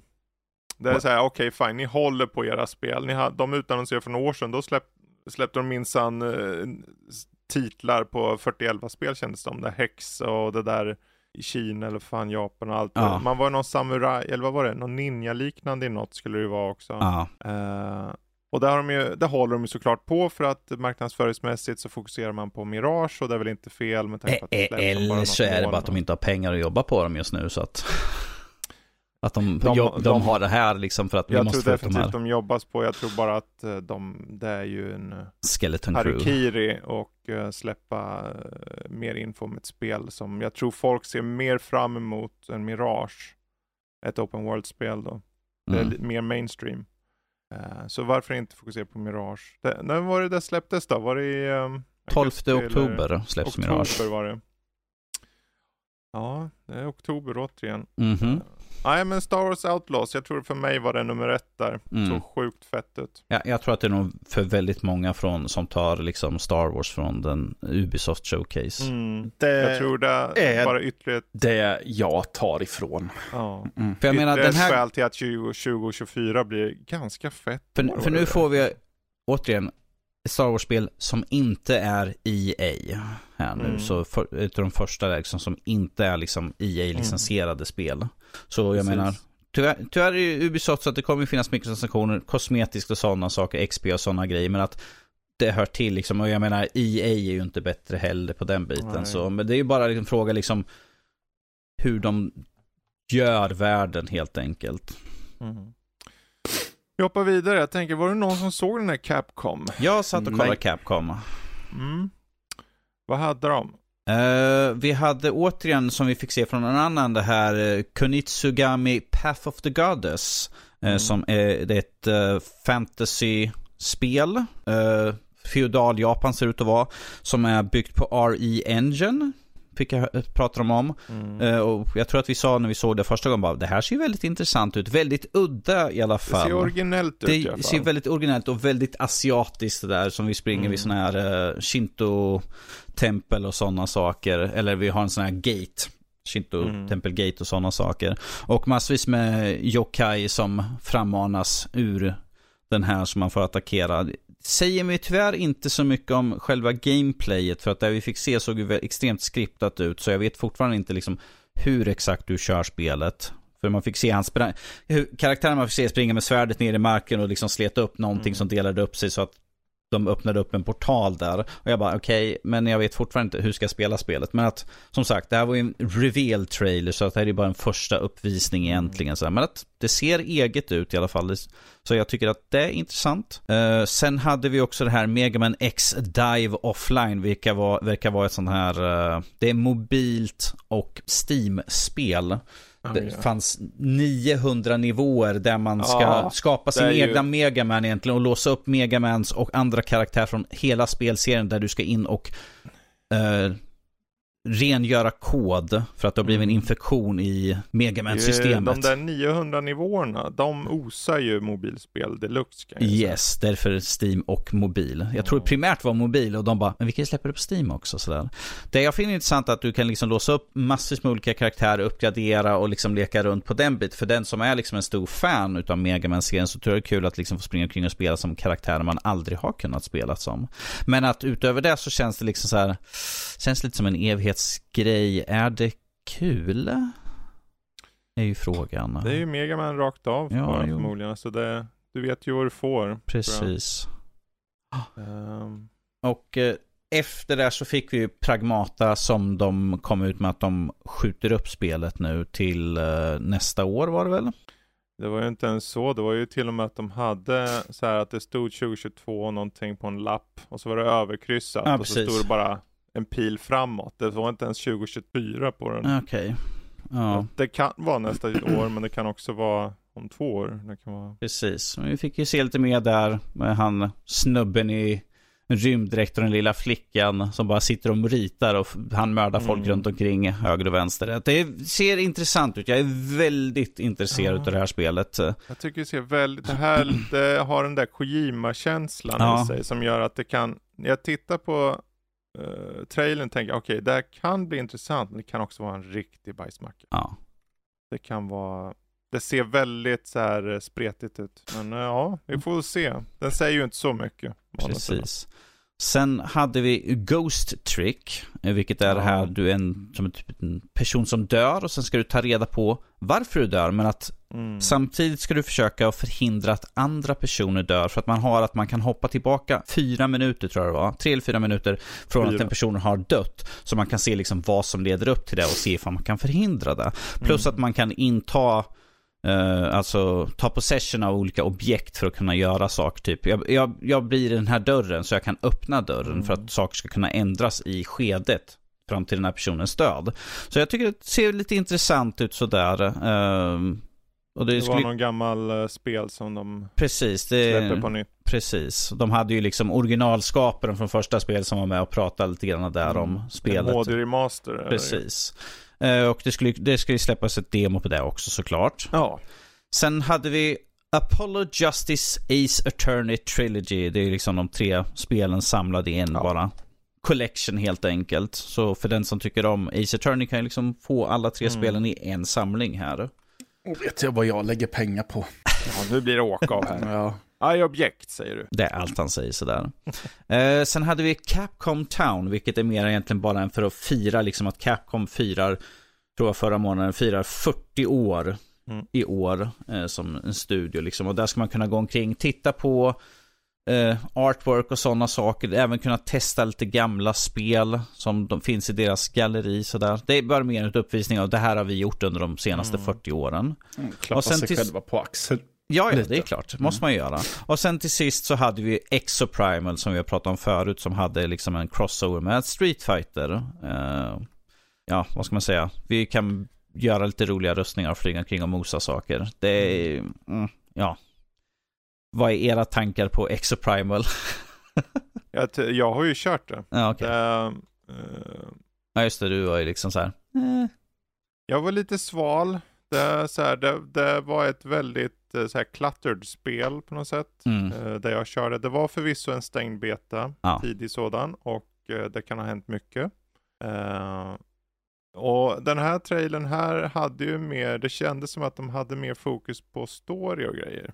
Det finns, fanns ju ingen story där jag körde. mm, Eh, så att eh, kanske det är det som räddar det mer, vad vet jag. Men det känns ju väldigt japanskt för den där berättelsen de tar upp där är ju så cringe att man bara okej. Att du har någon AI som ska skapa någonting ultimat. Han använder Det är dinosaurier så som... eh, långsökt allting. Ja, det är, man bara, ö, okej. Och sen har vi slemdinosaurier och, ja, jag vet Ja, inte. men det är så här, det ska jag ge det. Det var så pass långsökt så här, men nu är det självklart. Nu kommer ju neo- neodinosaurier ut genom de här portalerna, för det är ju så på grund av reasons. Och allting är så overblown och så eh, knasigt så att man nästan blir så här, det är ju som en såpa nästan här. Det är nästan så att det kanske blir underhållande på grund av att det är så pajigt. Det Mm. kan bli så, om vi har tur. Ja, Ehm, men jag, jag vet inte, det är inte ett spel som jag personligen ser fram emot. Men eh, vem vet, det kanske är bra. Jag menar Capcom eh, överlag har ju haft uh, flyt. Men de har ju haft flyt med sina remakes egentligen. Och då Mm. är det så här, är det flyt på grund av att ni släpper ett spel som redan är bra? Eller är det andra aspekter? För det är så här, på ett sätt är det lite fusk också, det är klart. Vi vet ju att det är bra. Men samtidigt, du kan inte, om du ändå gör som de gör och gör om spelen och ändå får det att vara bra så måste du ändå ha någonting. Så att- Men eh, ja, det är därför det blir intressant med den här uh, Kunitsu Gami Path of the Goddess som är liksom ett helt nytt IP i alla fall. Så mm. se hur det... det ser väldigt står sig. dubbel A ut och Mm. jag tycker det ser Jo, jo. Eh, Men- Men, eh, det är kul. Vi, det, som sagt, vi får ju se framöver liksom när vi får Mm. mer, mer kött på benen om spelet så att säga. Ja. Absolut. Kan ju faktiskt vara någonting riktigt intressant som de har kommit Ja, med nu. och det, man ska ju alltid vara glad om de försöker komma med nya IP, så är det ju. Det Mm. du rätt i. Eh, men då hoppar vi över till, för det är väl ingen vi har missat nu, för jag tänkte vi hoppar Nej, till det, Xbox. det är väl om det är något som är värt att nämna ifrån Future Game Show. Det vet jag inte riktigt om det är riktigt. Det enda Jag jag, det enda jag tog med mig därifrån, jag gillar en spelserie som heter Deponia och det kommer ett nytt där. Det som är intressant där är att de byter från peka klicka äventyr till att vara ett survival-spel. Hur nu det ska Mm. Precis. funka. Sen eh, har vi ju Gollum i eh, ba- backspegeln nu, lite eh, olustigt sådär. Och det är ju Daedalic som gör Deponia. Precis. Eh, så vi får se hur det blir. Ehm, sen, alltså jag tittade ju på den här Tribeca också, men eh, Mm. det var inget eh, direkt. Jag fick aldrig den att komma igång. Nej. Jag satt där och väntade och väntade. De visade sju spel, gjorde de. Eh, Ja. De visade något som heter Highland Song. Du spelar som en tjej på skotska höglandet som letar efter sin pappa. Så Mm. mysigt ut. Eh, Goodbye Volcano High, en eh, visual novel om en high school med dinosaurieungdomar när, under tiden då meteoriten ska slå ner på planeten. Och sen var det ju något, du fick se något eh, Chance of Senar, eh, språkbaserade pussel baserade på Babels torn. Sen så var det typ, vi fick se något som heter Stray Gods 3 som är något slags, de kallade det för ett musical RPG eller något sånt. Det vill säga att det är någon, något musikalspel av något slag. Hade de dansande hajar? Nej, inte vad jag såg däremot. Och vi, sen vill ha, så... vi vill ha massa dansande hajar. Sen visar de ju lite ifrån det här spelet som Telltale jobbar på som är baserade på serien The Expanse också. Ja, just det. Eh, Så. Och sen något äventyrsspel som är kretsat kring fotboll. Eh, som heter Despelotte. Okej. Ja, nej, men det handlar om när Ecuador efter att ha kommit ur en, de är på väg ut ur en lång tids fattigdom. Så är de på väg att eh, komma in i eh, fotbolls-VM för första gången på väldigt länge. Eller om det var något Mm. annat land. Och, eh, ja, och hur fotboll liksom förenade folket. Så det är mer där man spelar som en liten knodd som springer runt och spelar fotboll på gatorna. Okej. Mm. Ja, det är bra, då fick vi ändå lite um, lite kläm på Future Game Show. Ja. Eh, skönt. Eh, vi tar och hoppar till eh, the big one. Xbox. I alla fall är en big one sett till uh, hypen inför då. Ja. Och de började ju relativt starkt, det beror på hur man ser på det. För de började med Fable, South of Midnight, Star Wars Outlaws. Det var där vi fick se först Star Wars Outlaws Ja. och i en eh, CGI-film då. Mm. Ehm, och eh, jag vet inte, om vi, vi, ja, vi tar ett spel i tag bara här och går igenom tänker jag. Mm. Så här, Fable, eh, Var väl lite av en öppen hemlighet nästan. jo, Och sen i och för sig är det väl bra att de då inleder med Fable för att bara säga, ja, ja men det är ju det här som ni har Vi spekulerat plåstret." i, så här varsågoda. exakt. Mm. Jag tror det var rätt väg och då behöver man inte tänka på det. Sen är det så här, för de hade ju sagt innan att de skulle ha så mycket fokuserat på gameplay. Vad var gameplay i den då? Absolut ingenstans. Nej. För de säger att det är in-engine då. Ja. Ja, det Så gjorde att, de. eh, Ja. De är lite kluriga med sina uttal tycker jag. Jag tycker Ja. inte det är bra så här. För eh, ja, ja, de hade han, det, vad heter han? Richard Adiole. Iode. Eh, han, han är ju jävligt kul. Men han är ju bara en karaktär i ett stort spel då Mm. antar jag. Om han faktiskt är med i slutändan. För jag vet inte om det är en PR-film eller om det är på riktigt en del ur spelet liksom. Det vet vi ju inte. Men de har i alla fall humorn verkar det som. Mm. Eh, och kanske till och med mer humor för original Fable kommer jag inte ihåg var så humoristiskt.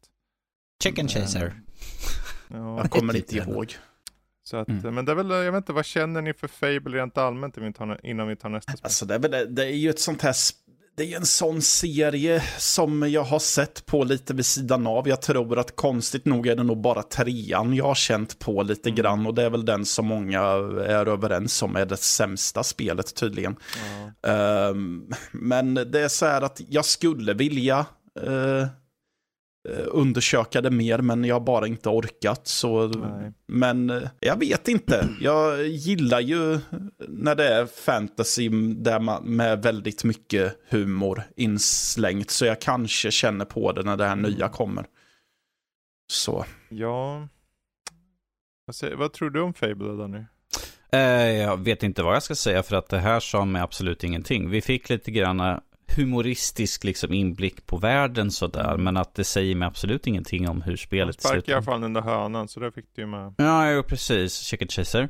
Eh, Så att eh, jag är fortfarande ovetande om vad, vad jag får för spel i slutändan. Fable är liksom ett fantasy där du liksom antingen blir ond eller god i slutändan ju. Och du har en, en väg att, att gå liksom sådär. Men att det är beroende på dina valen mest är ju det som är egentligen Ja, det var ju det som var lite av grejen med det när det ursprungligen släpptes då för snart 20 år sedan. Att du, när hade pumpats upp till att, för det var ju Black and White innan hade ju redan sagt, du gör dina val med karaktärerna och det ser du återspeglas i deras utseende. Men Precis. du, behöver, du Mm. kan också liksom genuint göra val. Mm.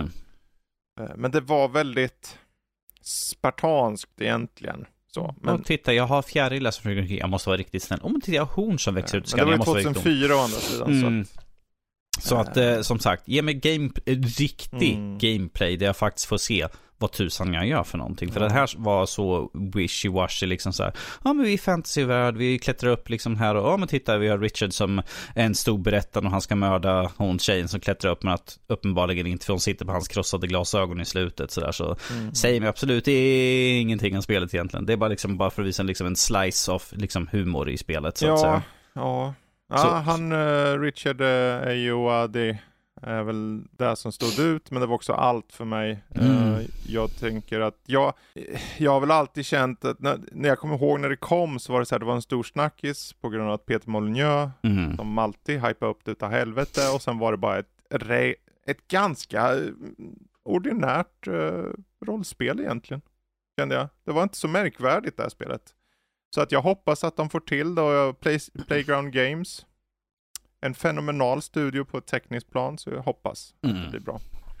Eh, Men det hade inget datum eller någonting, så Nej. det kan ju komma om tre år lika. Precis. Exakt. Det, som sagt, det här känns bara som de slängde ut bara för att folk ska sluta tjata. Mm. Men det är i alla fall First Party. Ja.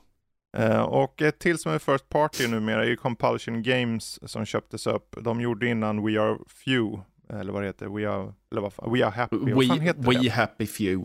We Happy Few, så heter Du det. hade orden men i fel ordning Fredrik. Ja, eh, South of Midnight, ett Ja. spel som verkar ta inspiration av lite blues, eh, Louisiana-stuk, voodoo-eskt. Jag Eh. är intrigued av den här cinematiska trailern som vi fick Mm. se. Men eh, jag vet ju fortfarande inte vad det är för typ av spel. Men eh, artstylen och just eh, miljön som det, man verkade befinna sig i och mystiken och så. Fick Mm. mig att känna att det här kommer jag hålla utkik efter och se vad det är Precis. för något. Ja, enligt dem ska det vara ett actionäventyr. ehm, Där man ska liksom utforska myterna i den här typen av värld. Mm, mm. Jag, antar att hon som man såg där går. kommer jaga efter monster. För hon kommer ju och frågar efter den här Mm. ormen som långsamt kommer upp. Och liksom sen plockar de fram och liksom bzzzt, nu ska vi Precis jaga. så. Så. att, Det här eh, Southern folk, folklore. Mm. Det kan bli intressant, men jag håller med där. Det, är så här, det hade inget datum eller någonting heller, så det kan vara också ett gäng år. Ja. Men de börjar med, man kan ju inte säga att de inte hade First Party i alla fall då, för Mm. de börjar med det. Och det är Mm. First Party. Och sen gick de till Star Wars Outlaws, vi har ju pratat om det, 2024 någon gång, multiplattformsspel bör tilläggas. Eh, ja. Sen Mm. Hoppar de över till ett spel som heter 33 Immortals som var en slags co-op-spel eh, gjort av de som gjorde det här man åker med en båt, Spiritfarer. Mm. Eh, ett väldigt fint spel, så det här kändes väldigt annorlunda. Eh, och det är ju eh, originellt i sitt eh, grepp känner jag, men jag vet inte om jag har något, det är någon slags top-down twin stick Ja. multiplayer shooter. multiplayer Ja. Co-op-upplevelse som jag tänker, ja det är väldigt så här specifikt, men eh, för rätt person kanske det är fantastiskt roligt. Eh, exakt mina intryck också. Är det. 2024 även på det. Uh, hoppa vidare, ett multiplattformsspel, Payday 3. 21 september släpps det. Mm. Uh, och det kommer även rakt ut på Game Pass då. Mm. Bas Vilket är en gemensam nämnare ja. för många spelare. Baserat på mina upplevelser i Crime Boss lär jag förmodligen inte ge det här en spin. Ja, ja det ska jag väl ge Payday. Det är mm. åtminstone när jag körde tvåan så var det betydligt bättre än vad jag uh, körde i uh, Ja, det jag kan gissa på är väl att Payday kanske met, vet mer vad det vill vara. Att det är Exakt. så här, ja men det är ett online-spel där du gör heists med dina polare. Ja. Mm, så. Det, det såg ju betydligt mycket mer köttigare ut nu på hur du kunde ta dig an. Du, vi såg liksom de, antingen puttade de ut en av de som hade tillfångatagningen. Eller så var de på taget och hade liksom mass shooting med eh, poliser ja, liksom sparka ner dem från taket. Nya vapen, nya gadgets. Så det känns som de har verkligen ökat på liksom vad du har att, göra, att välja i spelet. Liksom antingen gå in guns blazing eller smyga in verkar det som. Att det är liksom eller göra en middle ground, liksom smyga mm. in och sen liksom gunsblazing på vägen ut. Men att det såg ut som de hade arbetat mycket på att göra mer val för dig som spelare egentligen. Så här. Och det är liksom att det fanns mer olika typer av fiender och du har massa olika vapen att välja istället. Mm. Så det, det, såg ju i alla fall köttigare ut som sagt ju. Jag har använt köttigt väldigt mycket i det här avsnittet. Ja, mycket kött. Mycket kött mycket och kött. dansande hajar. Och dansande hajar, precis. Kanske kött från en dansande haj, vad vet jag. Sådär. Oj, vad har de gjort borta på Ubisoft med hajarna? Ja, jag vet inte. Ett lager bak med döda människor. Meat grinder. Um, nej, men det är väl kul att de, får, att de fick tillfälle att lyfta det här på Xbox Showcase. Det är ju uppenbarligen återigen ett multiplattformsspel.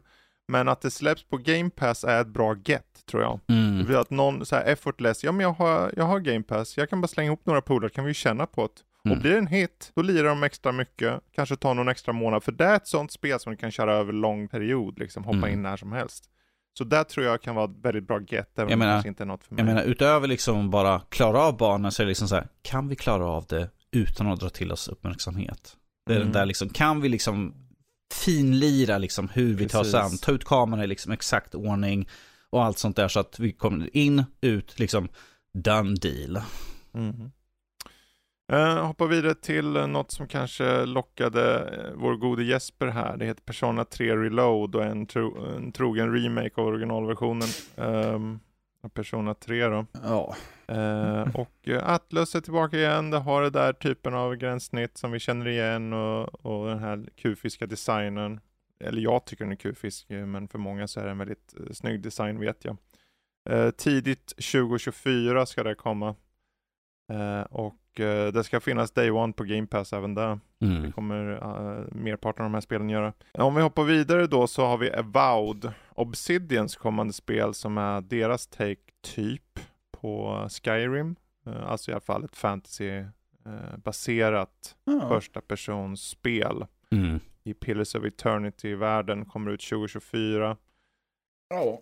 Ja, ja alltså, jag gillar ju Obsidian och jag lär väl antagligen känna på mm. det i alla fall. Alltså, mm. Så inget som skulle göra mig avtänd här direkt så, inte instinktivt om man säger så. Nej, de hade ju blandade vapen. För jag såg i något tillfälle hade någon eh, revolver, eller inte revolver, men vapen, mm. handvapen. Mm. Och sen i ännu en stund så gjorde de magiska formler. Och jag bara, okej, okay, vad är det? Och så svärd och grejer var också med. Mm. Ja, det blir intressant att se. Och yxor och hugga av folk på mitten och allt vad det var. Um, frös ner folk. Så det är så här, okej, okay, det kan, det, vi sa det ju då att ja, men det här påminner om Dark Messiah och Might Magic lite grann. Mm. Ett gammalt spel. Uh, jag vet inte med det här. Det är så här, det ser okej okay ut, men jag blir inte wowed, eller awowed kanske snarare, av, uh, av utseendet. Uh, ja. Det är så här, det är dugligt, men det, det känns som att det är lite så här, har inte vi sett det här förr? jo, det har vi väl. Vi har ju sett uh, Bethesdas Elder Scrolls-serie bland annat. Ja. Som det här påminner väldigt mycket om. som sagt Skyrim. Ja. Um, så att ja, vi får se. Det är ju, vi kommer säkert testa det då. Mm. När tusan det kommer. Mm. Eh, något som kanske gladde vår gode matte här, Legend of Monkey Island expansion till Sea of Thieves. Du älskar ju Sea of Thieves, men det här är faktiskt alltså, kanske ett genuint skäl att testa på det. Sea of Thieves var ett sånt här jag spel som jag spelade väldigt tidigt och trodde att det skulle vara roligare än vad det var. Mm. Precis som alla andra antar jag. Eller ja, inte alla andra. Det finns ju folk som sitter och spelar. Nej men alltså, jag tänkte att det kanske är värt att bara hoppa in och se vad de har gjort med det. För baserat på trailern vi fick se så är det ju väldigt mycket roliga eh, referenser till eh, spelserien. Och Mm. de har ju alla röstskådespelare ifrån de Monkey Island-spelen som är voiceade så är ju de med. Så Mm. ja, lite nyfiken är jag väl såklart på vad det är. Ja, de har sagt att det ska utspela sig trean tydligen. Eh, Men det kommer vara mycket hommager Ja. till tidigare spel och Ja. liknande saker. Eh, Jo men Spel. precis, jag nämnde ju det att de hade ju med en eh, pussel, det här pusslet när man ska vara mänsklig kanonkula och måste sätta på sig en kastrull på huvudet för att eh, klara av det och lite så.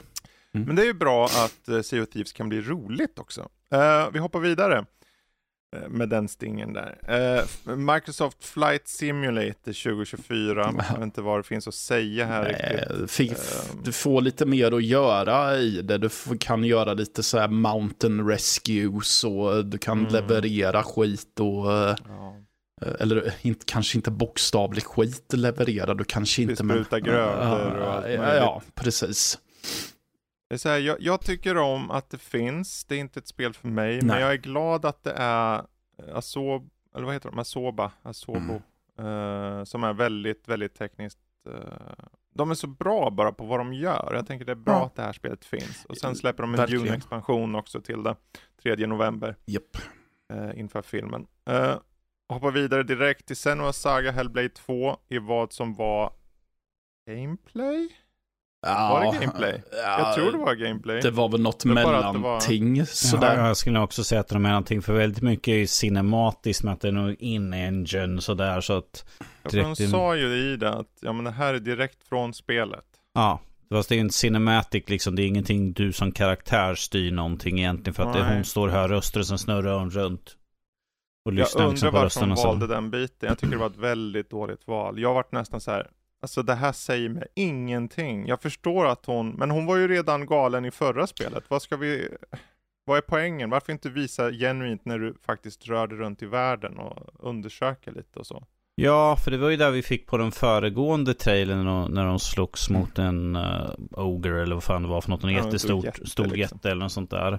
Där de fick ut ur grottan och slogs emot. Där fick man ju få se att de sprang omkring, fick se karaktärer, hur de rörde Mm. på sig. Det fick i alla fall lite mer hur spelet ser ut i rörelse. Mm. Här var liksom hon går in i en grotta, tittar på väggar med en stor ringmuskel som vägg. Såg det ut som. Eh, som pratar till henne. Det var ingen dansande haj med i alla Det fall. var ingen Det kan- dansande. Hade det tittat ut en dansande haj ur den där ringmuskeln då hade jag bara. Whoop. Eh, Okej.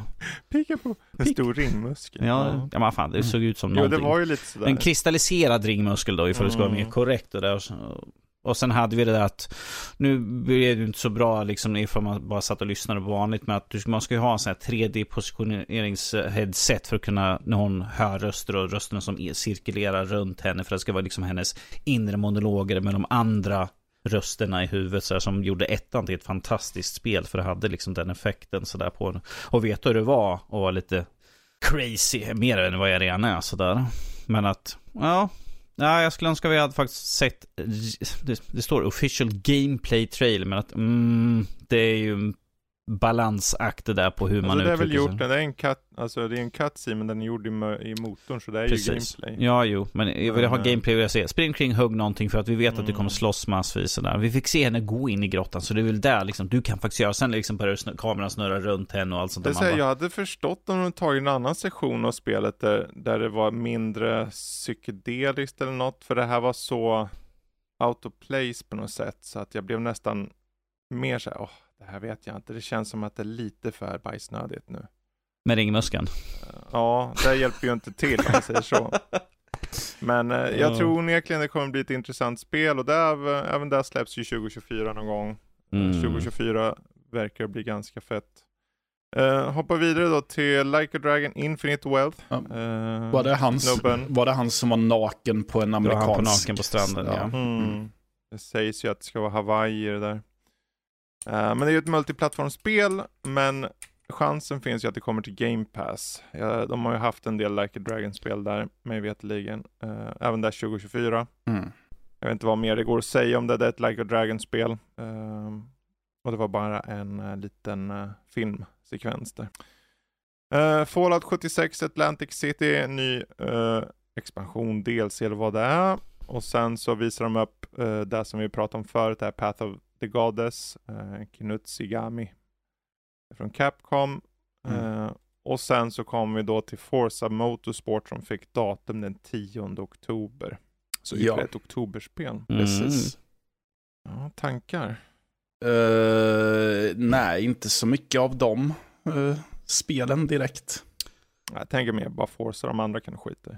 Forza. Uh, Forza, ja, mer arkad. Uh, Nej, det är ingen arkad alls. Det är simulator. Ja, det, simulator. Jag har inte spelat så mycket Forza Motorsport överhuvudtaget. Men uh, jag vet inte, jag, jag är också lite så när jag kör sådana här racing-simulatorer så vill jag verkligen eh, se att jag kör eh, racingbilar med så här eh, liveries och grejer. Jag är inte så mm. förtjust i den här grejen som bland annat Gran Turismo har, att det är som att du åker runt i en vanlig hyrbil. I stopchat. Du åker runt där med din dans. Mm, nej, men jag vill ju att om du väljer att sitta eh, i cockpit, att det ser ut som att de har tagit ut hela inredningen och du ser bara ja. stötbåge och naken metall eller vad man säger. Ja, okay. uh, men det är bara min lilla hang-up där. Mm. Men uh, alltså, det kan säkert vara bra. Uh, ja, jag menar, jag recenserade ju Motorsport 7 och det är Mm. fem år sedan. Något oh, sånt där. Oh, det är många år fem sedan. år sedan. Så jag menar, fick en utmärkelse och jag tyckte det var bra liksom. Det gjorde väldigt många bra saker. Det som jag störde på var liksom att det var buggigt och sådana saker och mm. långa laddningssekvenser. Men det var liksom det var ju förra generationen. Förra generationen, också. så nu sitter vi på Series X till exempel. Mm. Så att jag räknar med att de bitarna är borta och att de har liksom lärt sig liksom som så många borde ha gjort, att inte släppa med så mycket jävla buggar. Vad jag förväntar mig liksom att det såg ju väldigt Uh, jag tänker använda ut fett igen sådär. Det såg ju fett ut på liksom detaljer. Det såg väloljat ut. Det såg väloljat ut, precis. En väloljad haj. Mm. Det blir många saker. Precis. Nej men alltså det såg ju i alla fall eh, väl detaljerat ut. Alltså det såg ju väldigt snyggt ut sådär. Mm. Uh, sen hade de här dynamiken på väder, vind och alla sådana saker. Mm. Uh, det tråkiga med tycker med de här spelen är att du kan krascha in i vägg och det händer ingenting med bilarna överhuvudtaget. Liksom de är ju mm. licensierade. Uh, så att du kan få ju enligt kontrakt inte ha sönder dem på något sätt för att det får inte vara så. Men att det ser bra ut för vad det är sådär. Mm. Uh, men att ja. jag vet inte hur många som är för motorsport kontra andra Forza-spel. Ja, det är Horizon-serien är ja. väl den som jag tror gemene man är mer för i och med att det är arkadversionen då. Mm. Uh, med det sagt, uh, vi vet ju att Forza är något de lägger mycket krut på. Jag tror ju precis som du att det här kommer vara, jag tror det här kommer vara ett genuint bra spel. Mm. Uh, det är bara att det är betydligt, de, de gör mycket pomp och ståt för ett spel som är betydligt mer nischat än Horizon. Ja. Eh, och där, så här, där Horizon får x antal miljoner spelare så kommer det här kanske vara hälften eller en tredjedel något för att folk kommer starta upp det bara oj, det här är... För det var bra att du sa Gran Turismo för jag skulle jämföra mer mot Gran Turismo och sen eh, ytterligare ett lager av eh, simulator på det. Mm. mm. För Gran Turismo är lite av en uh, SimK, lite ja. en mix mellan båda. Mm. Medan det här eh, ska utsagt vara en ren simulator. Det, det, alltså motorsport känns ju lite mer som, kommer jag uttrycka, bilporr för de som älskar mm. bilar. För det, det, här är verkligen liksom, titta hur bilarna ser ut, titta hur snyggt det är liksom. Ja, och tuna och förändra tuna, saker. Precis, och... du kan fintuna liksom alla inställningar. Man såg liksom, ifall du ändrar på den här inställningen så får du plus här, mm. minus här. Så jag tycker att det, det, är i alla fall någonting skönt att de har liksom lagt till nu i alla fall. Du ju... kan liksom fe, se plussen och minus istället för liksom, jag lägger på den här så blir den automatiskt bättre. Ja, för i Horizon kan du göra vissa justeringar, men mm. där spelar egentligen ingen stor roll. Uh, här spelar det ju, eller i alla fall bör det spela för, roll. För Horizon, för ju... där, Horizon är ju bara ut och åk. Medan ja, här är liksom, är du ska tävla. Det är ju det som är grejen. Du fram på väggar där i ja, det spelet. här ska du ju liksom Jag bästa att- möjliga liksom, bil för att kunna ta det runt bäst, Ja, och snabbast. är det simulator så kommer ju bilen gå sönder, om än in, kanske inte på ett ytligt plan, Ja, men det nej. kommer gå sönder rent så här. okej nu funkar inte bilen lika bra, du kanske får en punka eller du kanske inte, det, ditten och datten och hiten dit. Sl- Slitage på delar och sådana saker säkert. Så som det ska vara Ja. i ett, bra Precis. simulatorspel. Så att, ehm, ja, nej men det är 10 oktober, det kommer bli ett bra spel tror jag. Och för er där ute som faktiskt gillar eh, simulatorer så, så är det ett givet Game Pass-köp, eller ett spelköp för den delen tror jag. Mm. Uh, Elder Scrolls Online, Necrom, Shadow over Morrowind är ett spel, typ. och det kommer uh, 20 juni. Moving on. Mm. Overwatch 2. Det, är också ett, det, är också ett, det är också ett spel. Moving on. Också ett spel. 10 augusti släpps någon uppdatering som för in lite mer PVE-liknande aspekter eller vad. Mm. Jag hängde inte riktigt med och det är på grund av att jag är fruktansvärt ointresserad. Så förlåt alla som gillar Overwatch, men uh, gud vad uh, meningslöst att ha med det. Um, Atlas, återigen, Persona 5 Tactica. 17 november, till synes exklusivt till Xbox och uh, ekosystemet där. Grattis jag Xbox. kollade, när jag kollade på deras officiella hemsida. Eh, och det är grattis Xbox, för det här har eh, en väldigt stor skara människor som följer Persona. Vi vet ju att Jesper, vår gode Jesper, gillar ju det och det här tror jag var det eh, alternativt det andra då som var det han såg som man tyckte var bäst på den här showen. Eh, så det finns en publik. Mm. Eh, en sån här taktik, det för mig personligen så är, jag ser bara gränssnitt, tänker jag, det är det fulaste gränssnitt som finns. Jag avskyr gränssnittet i Persona. Jag tittade på det här spelet och tänkte mobilspel. Ja, men jag vet att det, jag är inte normen vad gäller tyckandet kring den här se- serien. Så att, eh, samtidigt tänker jag, men det är kul att det kommer de här spelen. De behövs finnas på Xbox, antar jag. Ehm, och att det kommer rakt in på Game Pass. Mm. Eh, eller jag tror det kanske inte var Game Pass, det kanske var bara exklusivt till Xbox. Eh, jag kommer inte ihåg. Men ehm, ja, det kommer. Eh, sen var, visade de en trailer på Starfield, men vi kan komma till Starfield senare så Mm, hoppar ja. vi vidare. Uh, Jusant, eller Jussant. Ja, snabbt Fredrik. Eh, Persona 5 Tactica är för Game Pass. Ja, bra. Ja. Eh, Eh, Don't Nod-spel ja. släpps hösten 2023, klättrar på väggar. Mm. Eh, och förmodligen har inslag av eh, narrativ och lite mer, lite mer djupare klätterstrategi eh, gissar jag med tanke på att annars, det finns så många som har strategi, eller klättring i sig, men då är det bara att du går mot en vägg och den klättrar. Här kändes det som, varför har du ett rep bakom dem om det inte finns någon form Ja. av svårighet? Ja, liksom? nej men jag tyckte faktiskt att det är så intressant ut. Mm, mm, På nivån att jag vill testa det i alla fall. Eh, så. Men, eh, nej men jag tycker det. Eh, så, se hur, hur väver de in ett narrativ i Mm. den här typen av eh, spel som verkar vara, mm, ja, du, du klättrar. Ja. Sen eh, verkar det ju inte vara allt du gör, för det är ju lite Nej. eh, utforskning och så. Men en Precis. stor del av spelet är att klättra. Men eh, ja, men jag, tyck, jag gillade hur det såg ut. Och eh, Ja.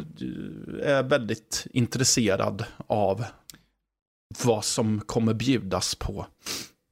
Ja, jag hade faktiskt tänkt köra innan nu, för det här finns ju som demo på Steam. Ja, okej, då ska jag Eh, testa det. Ett tips där. Eh, vissa av de här spelen finns ju på Steam redan nu som demos, Mm. så det kan vara värt att checka in. Det kändes lite fräscht. Ja, Ehm, om vi hoppar vidare då till ett spel som heter Still Wakes the Deep som släpps tidigt 2024 så är det från The Chinese Room. De gjorde Everybody's Gone to Rapture och. Amnesia A Machine for Pigs. mm. Eh, så att de har gjort en del spel som är relativt uppmärksammade. Ehm, ja. och eh, uppenbarligen är det någon form av eh, äventyr på någon oljerigg har för mig. ja. Eh, Klaustrofobisk, klättrande i små gångar, leta skräck. omkring. Narrativt skräckspel. Precis. Vad har hänt? En övergiven oljeplattform. Mm. Alltså jag, jag blir väldigt intresserad för jag tycker att det låter som ett intressant koncept helt enkelt. Att det är liksom, du kommer dit, pratar liksom all, all signal därifrån och sluta så att ni kom dit för att kolla vad det verkar som jag får ut från trailern sådär.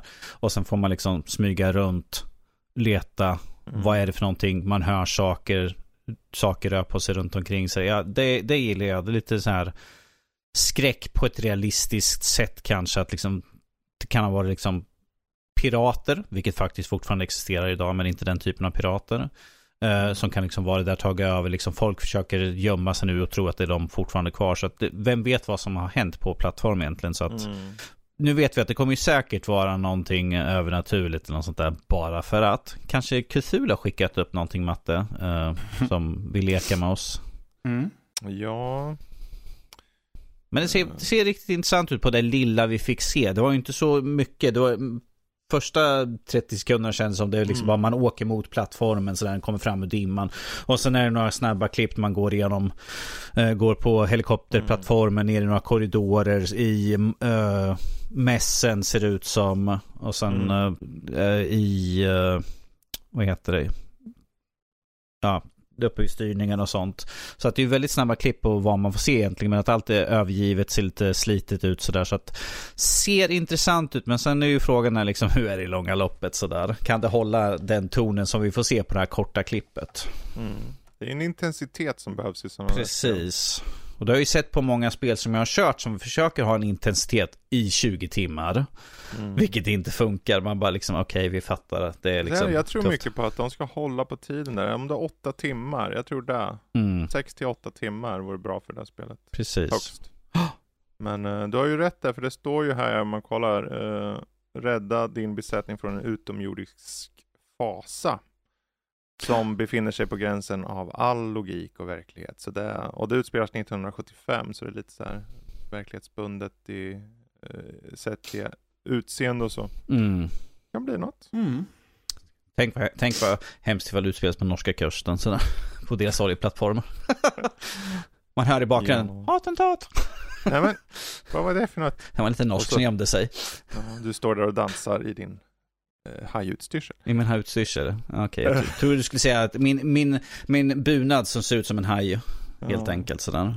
Eh, sen hade vi något som hette Dungeons of Hinterberg som var ett action-äventyr av något slag med pussel och ha ihjäl monster och sånt. var lite så här eh, nå- över eh, väldigt cell-shadat, nästan så här över mycket cell-shadat. Ja, så man nästan Mm. fick lite ont i ögonen. Nej men Ja, eh, alltså rent genremässigt verkade det väl intressant men jag hade jättesvårt för eh, den grafiska stilen Mm, eh, faktiskt. sant, sant. Mm. Eh, sen fick vi Cyberpunk Phantom Liberty expansionen som utspelar sig i en ny del som heter Dogtown, släpps 26 eh, september. Ja. Eh, och eh, Idris Elba var mycket riktigt med och syntes och eh, jag vet inte, där såg, jag vet ju att det har kommit ut mer info om att det gör om spelet i grunden till viss del längre fram också.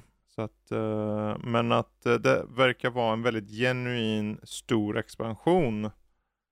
Och jag varit ganska pepp ärligt ja, jag satt och funderade på om jag inte skulle hoppa in i Cyberpunk igen. ja. Mm. Mm. det kan bli något. Mm. Eh, Sen hade vi lite stadsbyggarspel i City Skylines 2. Även där fick datum och kommer till Game Pass 24 oktober. Eh, Mm. något som gjorde mig glad. Ehm, Det, jag hörde i rösten. Ja, sen kom ju City Skylines 2 till byggarspel. Det gjorde mig glad i själen. Yay. jag satt, jag, är lite trött nu med det där. det är men, många eh, spel vi har gått igenom nu ja. sådär. Det är så här, City Skylines 2 tror jag är ett superbra get i och med att det kommer till Game Pass. Eh, för att det är en genre som vi inte ser så många stora titlar i längre. Mm, nej, vi har ju haft de här mindre spel Ja, det är som du har mycket varit... indiespel som Precis. släpps i genren, men det är aldrig någon som bryter ut och blir en sån där enorm juggernaut som första spelet blev då för eh, snart åtta år sedan. Jag är bara lite nyfiken för förra City Skylines, det visste vi att när du byggde upp staden jättestor och sånt där så blev det att det blev lite tjockt i, lite segt var det väl? På konsol ja. På konsol, precis. Vilket du testade på där. Så det är ju frågan nu med hur den här behandlar. För att det ser, jag måste säga att det ser betydligt snyggare ut när, man, när de zoomade in liksom bara liksom på detaljerna på världen runt omkring. Mm. Skog, bilar, städ, eh, hus och alla karaktärer. Det såg ju betydligt mycket snyggare ut än vad föregående spel. Mm. Så jag tänker att det är ju lite mer processorkraft som drar där också på hela den biten. Verkligen. Men sure, zoomar ut så blir de ju minimalistiska. Men att ifall du liksom går in och ut liksom sådär så tänker jag att ifall du bygger en sån här megastad mm. helt enkelt. Så jag, funder, jag hoppas att de har optimerat då. För att vi som sagt, på konsol förra gången till första spel så var det ju att det, det segade ner totalt. Mm. För jag vet mm. att du pratade om det ju. Ja, jag tror jag hade den på Xbox One. Mm. Och eh, i början funkar det ju bra, men sen när man kört en bit så var det så här, konsolen bara, du, eh, jag börjar hosta blod, så skulle du kunna kanske stänga ner det här? Kan, kan du radera ett kvarter ja, eller två? Ibland sådär? stängde den ner den åt mig. Ja, ja, okej, vad snällt av den. Ja, så, Gå och lägg dig, du har suttit upp för länge och byggt. Ömsint. ja. Eh, nej men det, det, är ett bra get och jag tror att eh, jag, eller tror, jag kommer ju köra Day One rakt av. Mm. Eh, jag har sett fram emot det. Och det är som du säger, om det flyter på bra. Det handlar om processorkraften, men processorkraften har ökat så mm. att, eh, jag hoppas att de vet om det. Som sagt, processorkraften har ökat, men som sagt, som vi ser hur spelet ser ut så har det ökat också. Så jag, ja, blir, jag, blir, jag blir bara så här, har du balanserat upp det ordentligt så här? Ja. Har du liksom så att du, du, har nått en viss maxgräns på hur mycket du kan bygga, rent volymmässigt, för att spelet inte ska liksom... Precis. Uh, sen hade vi något med det fantastiska namnet Metafor Refantan, Refantasio. Säg det, säg det snabbt tre gånger. Ja, det är ju Atlus som är tillbaka nu och nu har de ett exklusivt spel till Xbox och PC. Eh, det kanske var det här som Jesper förresten nu när jag tänker Ja, det var det. det här som han hade som sitt favoritspel. Ja, det var det. Eh, och det är ju från Personaskaparna uppenbarligen då. Det ser man i det otroligt röriga gränssnittet som spelet envisas att ha. Trots att det är ett nytt spel, alltså det är ju Persona i fantasy setting snarare. Verkar det som. Uh, jag vet inte någonting uh, vad jag tycker om det här. Det är ett spel.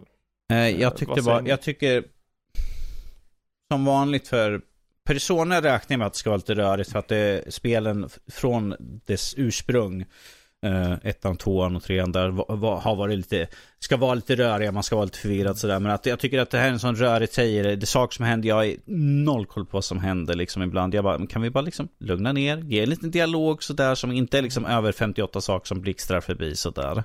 Så att jag faktiskt kan få liksom ett tillfälle liksom att uppskatta för vad det är. Någon. Ja, alltså jag kände ju epilepsianfallet var på G där, mm. om jag ska vara helt där. Ja.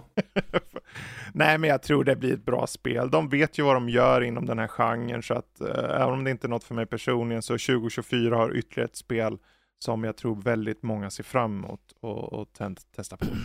Jesper får återkomma. Ja, han kommer med all säkerhet göra det. Uh, Towerborn var uh, något sidskrollande actionspel. Uh, det såg lite mysigt ut, men det var inte någon särskild sån här wow-upplevelse, actionäventyr, uh, väldigt lummiga Planet of Lana liknande miljöer. Um, kan bli något. Det är ju från, skap från skaparna av Banner Saga också så. Ja, okej. Okay. Så fint ut. Och sen slutligen då Lock, eller slutligen, vi har en till sen. Lockwork Revolution. Du menar Clockwork? Uh, ja, Clockwork. Uh, det var ju vad var det? Det var... Det, ju, det kändes... Det är ju Wasteland 3-skaparna. Tydligen. Just det, In Exile. Mm. Precis. Uh, ja, jag kommer inte, vet inte riktigt vad man ska säga att det var för något. Jag... Uh, däremot så vet jag att jag gillade det jag såg. Men det mm. var väl också bara en cinematic. Om jag inte missminner mig. Nej, vi får ju se lite nah, blandat. Vi får, man får ja, se blandat. Det, det är ju bland, lite blandat liksom med cinematiska vyer och sånt där. Och panorerar mm. över staden ja, och sånt ja, där. Så får man ju se dem hålla på med pistoler och liksom rör sig runt. Ni hör ju det, ärade lyssnare. Ni ska aldrig någonsin lyssna på mig. um, vi, vad vi sa i alla fall när vi kollade på det, att det var en det, väldigt Bioshock känsla mm. över spelet sådär. Med de här mekaniska karaktärerna, precis som i trean.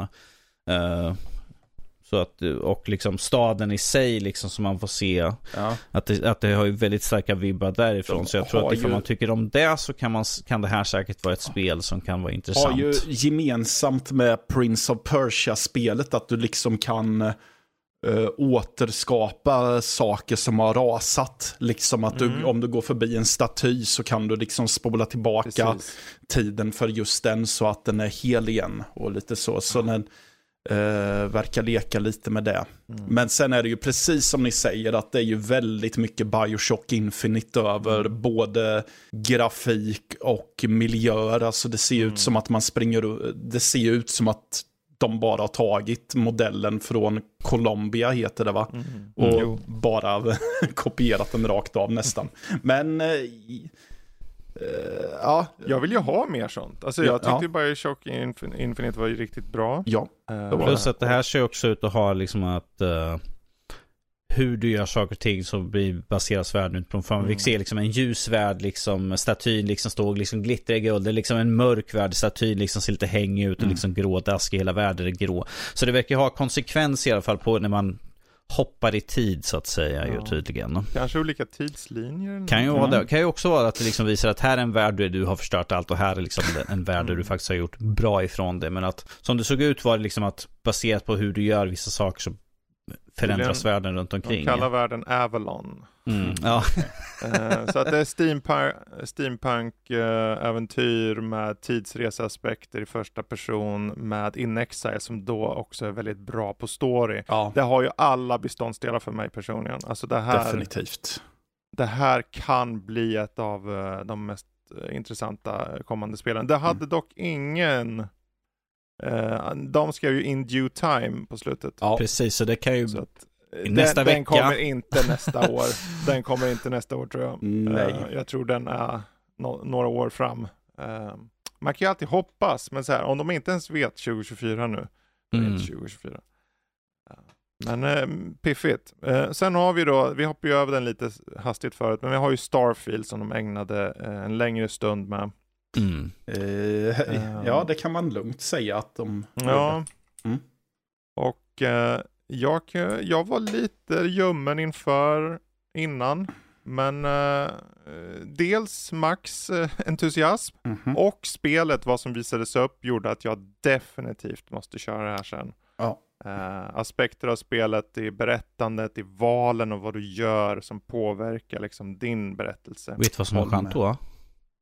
Det är på Game Pass. Mm. Yes. Ehm, nej men det såg ju riktigt eh, intressant ut nu och om de mot förmodan faktiskt också haft hjälp av id Software att göra skjut uh, mechanics Mm. så är det så här, ja men det är ju bara grädden på moset då om det, om det också är riktigt kul att skjuta skit. Mm. Eller stealtha eller göra vad du nu vill. Mm. Ja, vi sa ju, tror till och med var Max som sa det att när de kom till ett segment där de sköt att det såg ju betydligt mycket smidigare ut än i den förra trej, eller trej, uppvisningen de hade på spelet och det såg lite jank ut men det var ju också en tidigare bild som de visade upp då ifrån som inte var liksom en slutförd. Utan liksom bara, här vill vi bara visa upp liksom lite grann på, från spelet men här är i alla fall den bild som troligtvis kommer komma ut och det såg ju betydligt smidigare ut. Känns lite grann som de hade någon lock-on på för att det känns som att pistolen eller siktet liksom drogs direkt till karaktärer som Jaha. så det kändes som det var, det kändes, det såg ju eller lite grann ut som det var någon typ av lock-on mekanism som de hade där, vad vet jag. Lukta älskar- konsol då. Det, ja, jo, jo, jo. Mycket möjligt sådär. Eh, men att, ja, det ser intressant ut och som sagt, det är ju på Game Pass och det är ingenting som hindrar mig från att testa det förutom att se hur mycket utrymme jag har kvar på disken. Det är väl bara det. Kasta annat skit. Köp en ny hårddisk. Mer hårddiskar. Bara kasta in dem. Ja, jo, precis. Mm. Ifall de vore billigare skulle jag skaffa mig en sån en terabyte. Men Mm. eh, även fast de har fått den där nya ju. Vilka var det, vilka var det som hade Va? släppt ny? Eh, de här minipinnarna på boxen av Xbox. Ja, alltså för Xboxen. Precis, eh, Xboxen. Vad var det för några nya som hade släppt?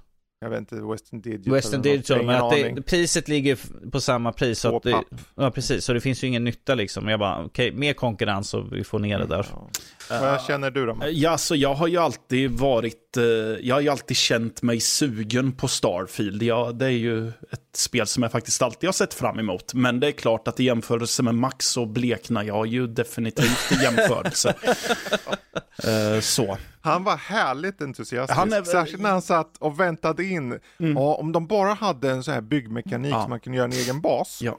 Och sen kommer det en stund senare och han bara Åh, nu blir det åka av! Det, det är så kul för att innan de börjar han bara Jag vill inte se någonting, Ja. men jag vill gärna se det. Nej, men det, och det är det som är grejen, att eh, jag oftast är just sån när jag är jätteintresserad av någonting. Det är att jag försöker se så lite som möjligt av det. Men eh, jag är mer sugen. Det, det enda som jag kanske möjligen är lite rädd för, det är om jag ska känna att spelet är för stort. Så. Att jag kommer, att jag kommer bli överväldigad av att nej, men det är så massivt det här. Så.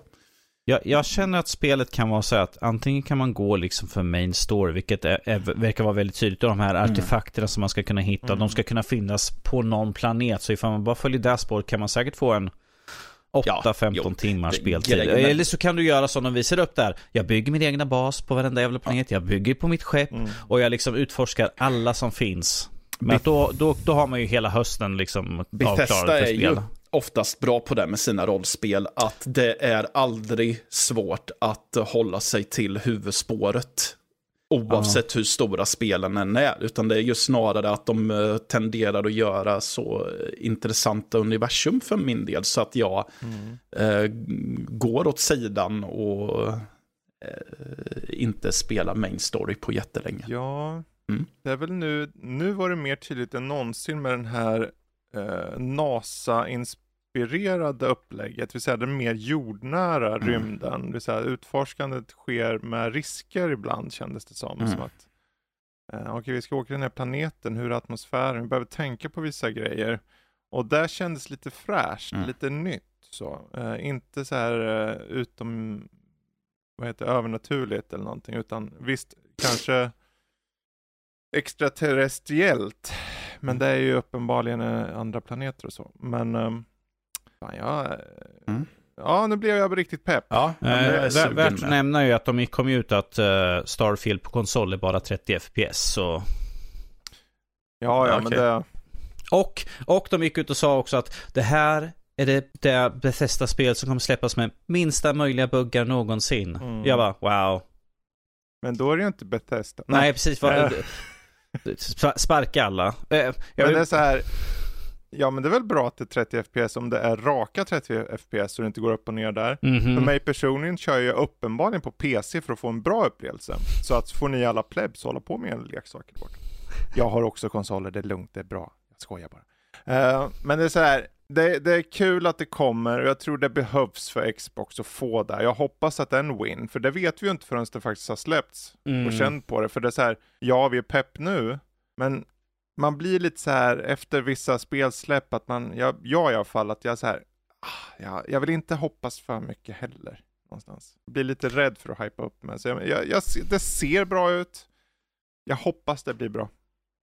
Ja, vi fick ju betydligt mer kött på benen i alla fall nu när vi fick se så mycket ut av de olika grejerna. Eh, Även Mm. fall enligt Max hade den en ful UI eh, på spelet ju. Ja, det var när man valde vapen och grejer. Precis. Det störde jag inte mig på Nej, alls det, men Max, Max, Max är och. Max och där. Han, han ska ju lita på allting. Speciellt för ett sånt här spel som han faktiskt sitter och verkligen Mm. längtar efter sådär. Men att, eh, ja, det ser intressant ut sådär. Och Mm. eftersom det finns på Game Pass så finns det ingenting som stoppar en att liksom bara testa på. Och, och hoppas inte man liksom, jag ska bara testa en stund, tre veckor senare bara, och där är jag testat klart. Det, är väl, det värsta är väl egentligen att det här året har ju haft en del stora open world-spel som gör det nästan lite svårt för man måste välja liksom. Så här, som nu, jag har inte riktigt startat, jag har kört en timma på Tears of the Kingdom och det känns som, okay, när jag Mm, väl ja, sätter mig där, jag behöver ju ha tid. Ja. Eh, Diablo är ju indirekt också open world. Eh, Mm. Även om spelstilen där, att du kör en stund eller du kör i flera timmar, det är upp till dig och det är lite det känns mer som att de, många av de här open world-spelen tar väldigt lång tid för du måste, du bara, om jag ska sitta och sen sitter du åtta timmar i sträck eller något.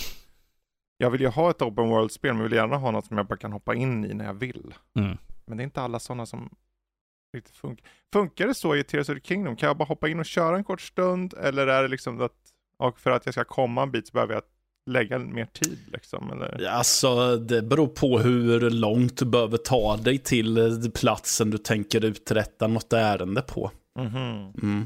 okej. eh, gör det, eh, kan jag väl säga. Eh, för att det är som sagt väldigt långa distanser även om du har en häst. Okej. Så, så det beror helt och hållet på, vill du göra något story eh, drivet så, så länge du bara är i rätt område som eh, questsen är på, så ja, då går det ganska fort att bara göra någonting snabbt. Men om du måste ta dig till rätt område med, då, kan, då behöver du ha lite tid på dig. Så, Ja. Eh, men uh, överlag då på eventet, fanns det något, vad, vad känner ni om Xbox? Var det, är ni nöjda med deras event? Vad, vad tycker ni? ja, så det får, ja, det tror jag väl.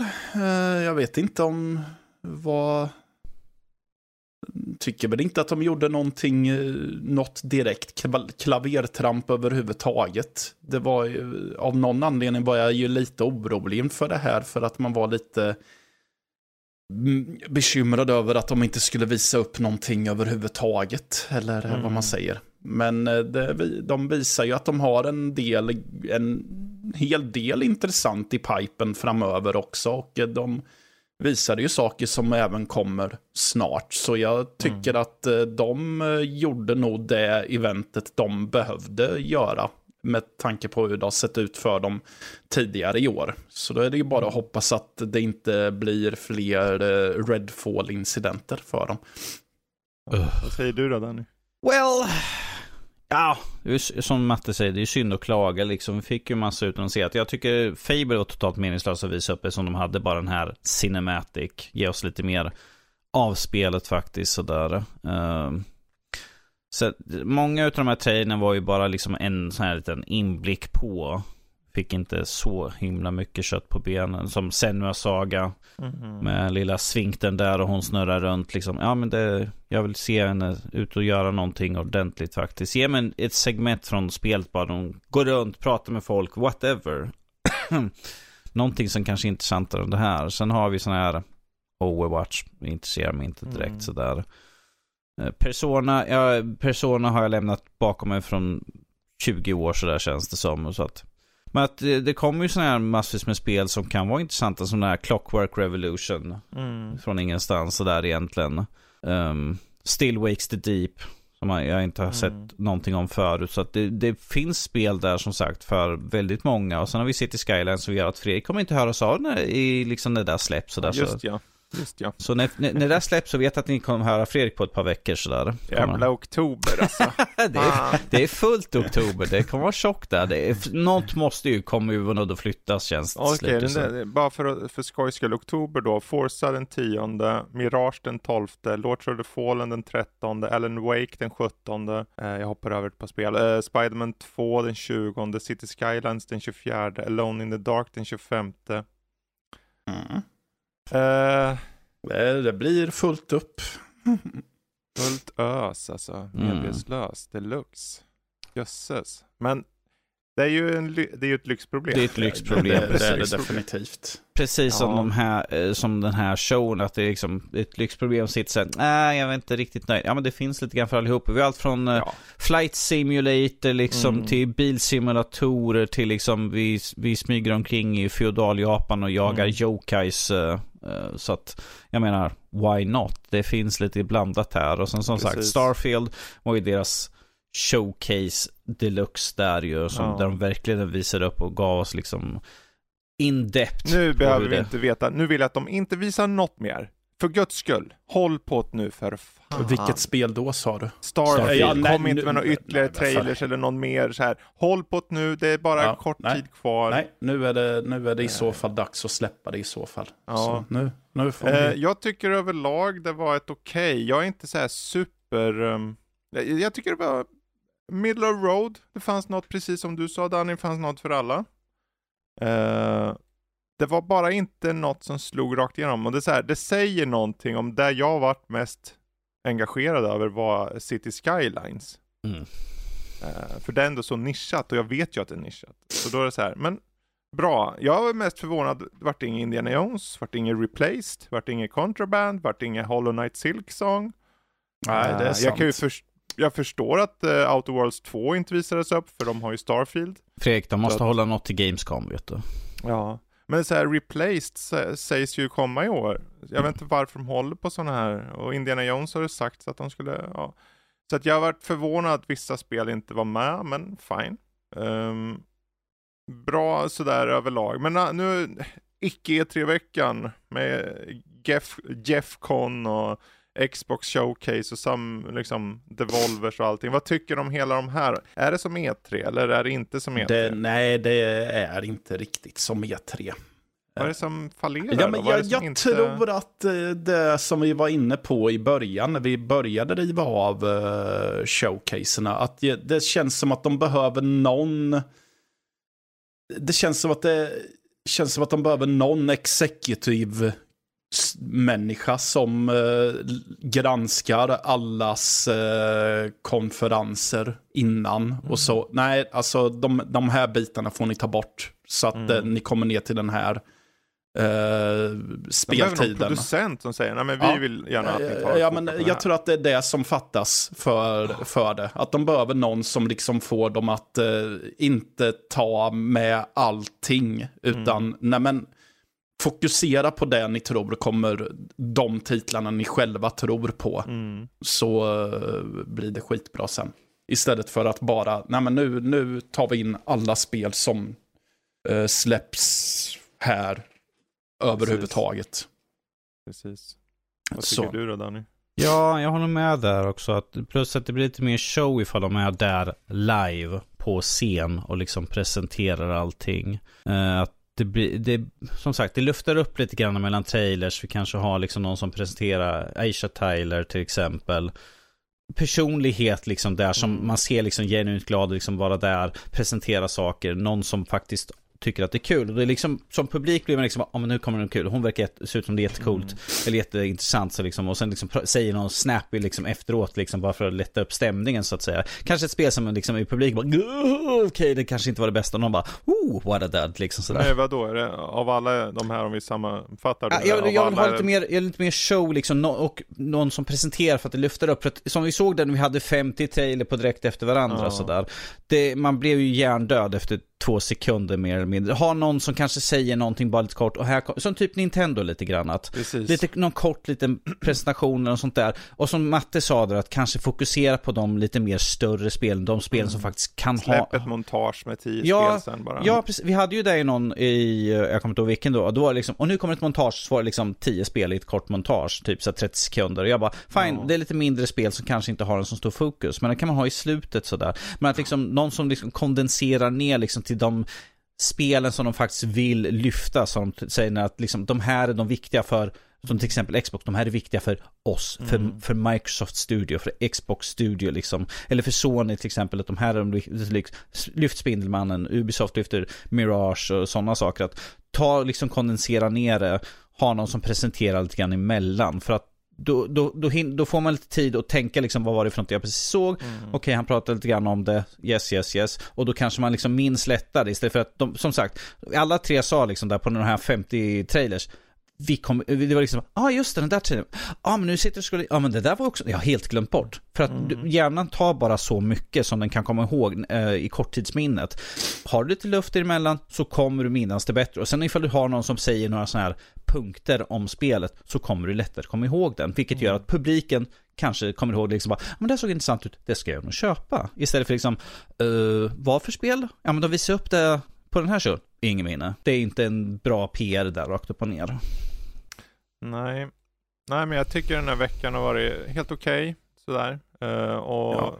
jag menar, vi får trailers, vi kan inte, Nej, Nej, nej, vi kan nej, inte klaga. Alltså jag säger inte att de ska lägga det ner finns, det. Men det är så här, men det, det är alltid bra att ha lite konstruktiv kritik. Mm. Sen är det så här, det svåra är ju, okej, vi- som PC Gaming Show, det var något år det var inte tillräckligt mycket och sen var det ett år som är för mycket nu. Mm. Och sen så här, men vart är balansen? Det kan bara de. De måste arbeta och göra år på år och till slut hittar de dit. Ja. Och det gäller väl alla. Xbox var den som jag kände var mest uppstyrd och Mm. egentligen för mig personligen bäst. Eh, om jag ska jämföra mot alla andra. Ja, men det håller jag nog med om. Eh, Men det var väl för att de körde på det. De kör, körde verkligen på sitt format. Som jag Mm. tycker har, har funkat ganska bra. Det är ju kul titlar också, Ja. roliga titlar. Sen, eh, det får, ja, allt kommer inte i år och det är ju så här, för mig personligen, jag vill ju se spel som släpps och Ja. få ett riktigt datum. Även om det är 2024 så vill jag se 2024 som månad datum. Jag kom på, Men fine. jag kom Ja. på en sak. Ja. eh, på Mm. tal om Xbox. Att eh, jag vet inte vad jag ska säga, att jag varit besviken över att det inte utannonserades något eh, Hexen-spel Ja. eh, av något slag. eftersom att Phil Spencer hade en Hexen-tröja på sig. Och man tänkte, Precis. men varför har Bara, han vän, på bara sig? vänta. Om bara det vänta. inte är, var hans väldigt subtila sätt att eh, tala om att ja, den som är observant kanske får en ledtråd om ett, en kommande utannonsering eller något sånt. Vet du vad, det är ju sådär, han har ju haft saker som han har haft på sig och sen har det visat sig vara i saker och sen ibland har det inte visat sig vara något. Mm. Men jag tänker så här, tänk dig Machine Games gör häxen. Mm. Wolfenstein-skaparen. Ja, eh, jag tror att det är rätt väg att gå för den titeln. Under Bethesda liksom. Ja, ja. Ja. Och vad arbetar de på? Varför, vart är Wolfenstein 3 säger jag bara? Vart är Wolfenstein 3? Det är ju ett öppet mål för dem att få in en fet titel. De arbetar på den. Sanna mina ord. Ja, ja, ja. Märk mina ord. Ja, men det är väl som Gan- Danny sa, det, de behöver saker att visa på Gamescom och, och, Ja. och så också. Ja, vi har Gamescom, vi har Tokyo Game Show, vi har ju så mycket som kommer under Mm. hela året så att man kan ju inte liksom slänga, ifall de slänger ut allting nu, då har de ju bara liksom repetitivt i höst liksom. Ja, och sen allting har ju sin tid och plats. Ja, spel kommer ju släppas fram tills de andra har varit ju så att det, det kommer ju liksom, ja men nu har vi släppt det här spelet, då kan vi ta, släppa eh, utannonsera det här som kommer om ett tag.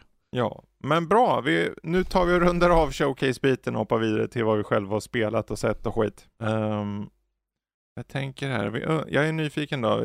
Matte, du har ju tvingat dig in i Diablos uh, grymma värld. Tvingat mig. Ja, du, Får det att låta som att ni har, Enträget, ni jag har- var tvungen att säga kom ni har tryckt spelet i ansiktet på mig och Kör. sagt kör. Och jag säger jag vill inte pappa, jag vill inte. Annars blir det hajdräkten. Jo, men eh, jag har hoppat in i eh, vad som jag är övertygad om är mitt första Diablo-spel någonsin. Jag har inget minne av att jag petat på ettan, tvåan eller trean. I alla fall. Eh, Och när jag tror att jag har ett minne så inser jag att nej, just det, det var Path of Exile. ja, Nära nog. Ja, nej men eh, ja, jag har skapat mig en, eh, en barbar har jag gjort. Eh, försökte få honom att se lite eh, väderbiten och lite äldre ut. För jag tänkte, nu ska vi ha Stort en... burrigt skägg. eh, ja. Och hår som man knappt ser ansiktet på honom. Så. Det låter som dig Matte. Ja, exakt så. ja. Och han heter Brunte. Oh dear.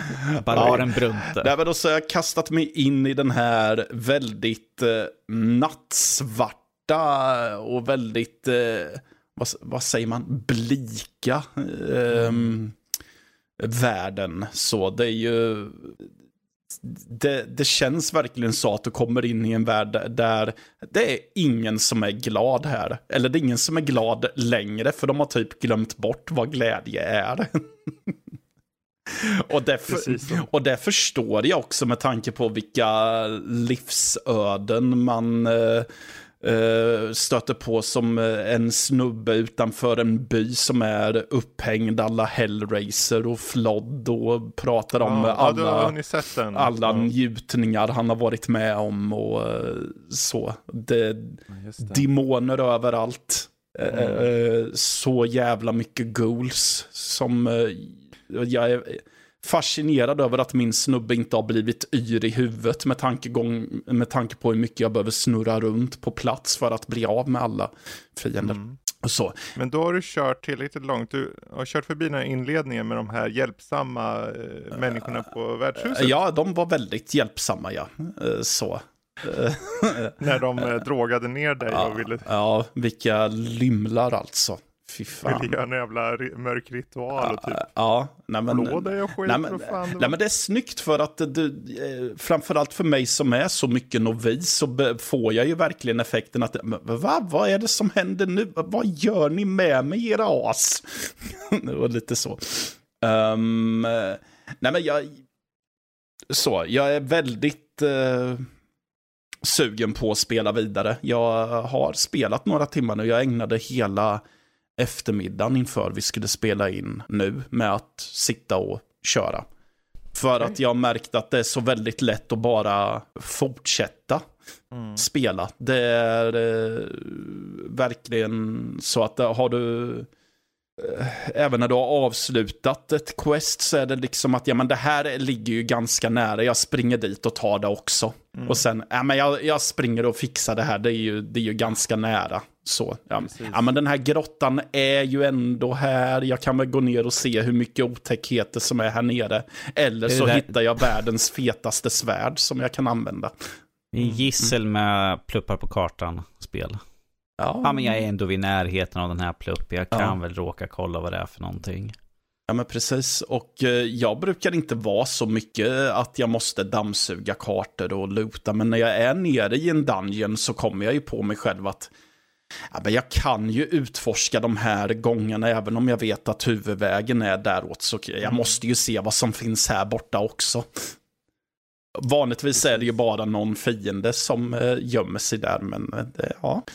Don't Eh, kill me man. Ja, det som jag kunde känna ibland, i alla fall när det är dags att eh, fightas, är att jag, det kan tendera till att bli lite plottrigt, i alla fall när man är barbar, för då handlar ju allting om närstrid. Så då står man ju liksom mitt i klungan av, eh, av fiender och vevar med sitt vapen och då är det så väldigt lätt att bli, hamna i läget som är, "Va- vart är jag någonstans? Ja, där var jag. Precis. Ja. Nej, jag kan, det håller jag nog med om Ja. faktiskt, för jag tycker också det kan bli plottrigt. eh, Särskilt om man kör med kompisar och det är liksom flera stycken, eller människor Ja. i världen helt plötsligt. Ja, men det, det är också för att verkligen alla fiender verkar ha taktiken, vi springer i grupp och eh, omringar den som att, eh, och, ja, men det, det, känns som att alla verkligen springer och är tätt in på dig innan de börjar slå.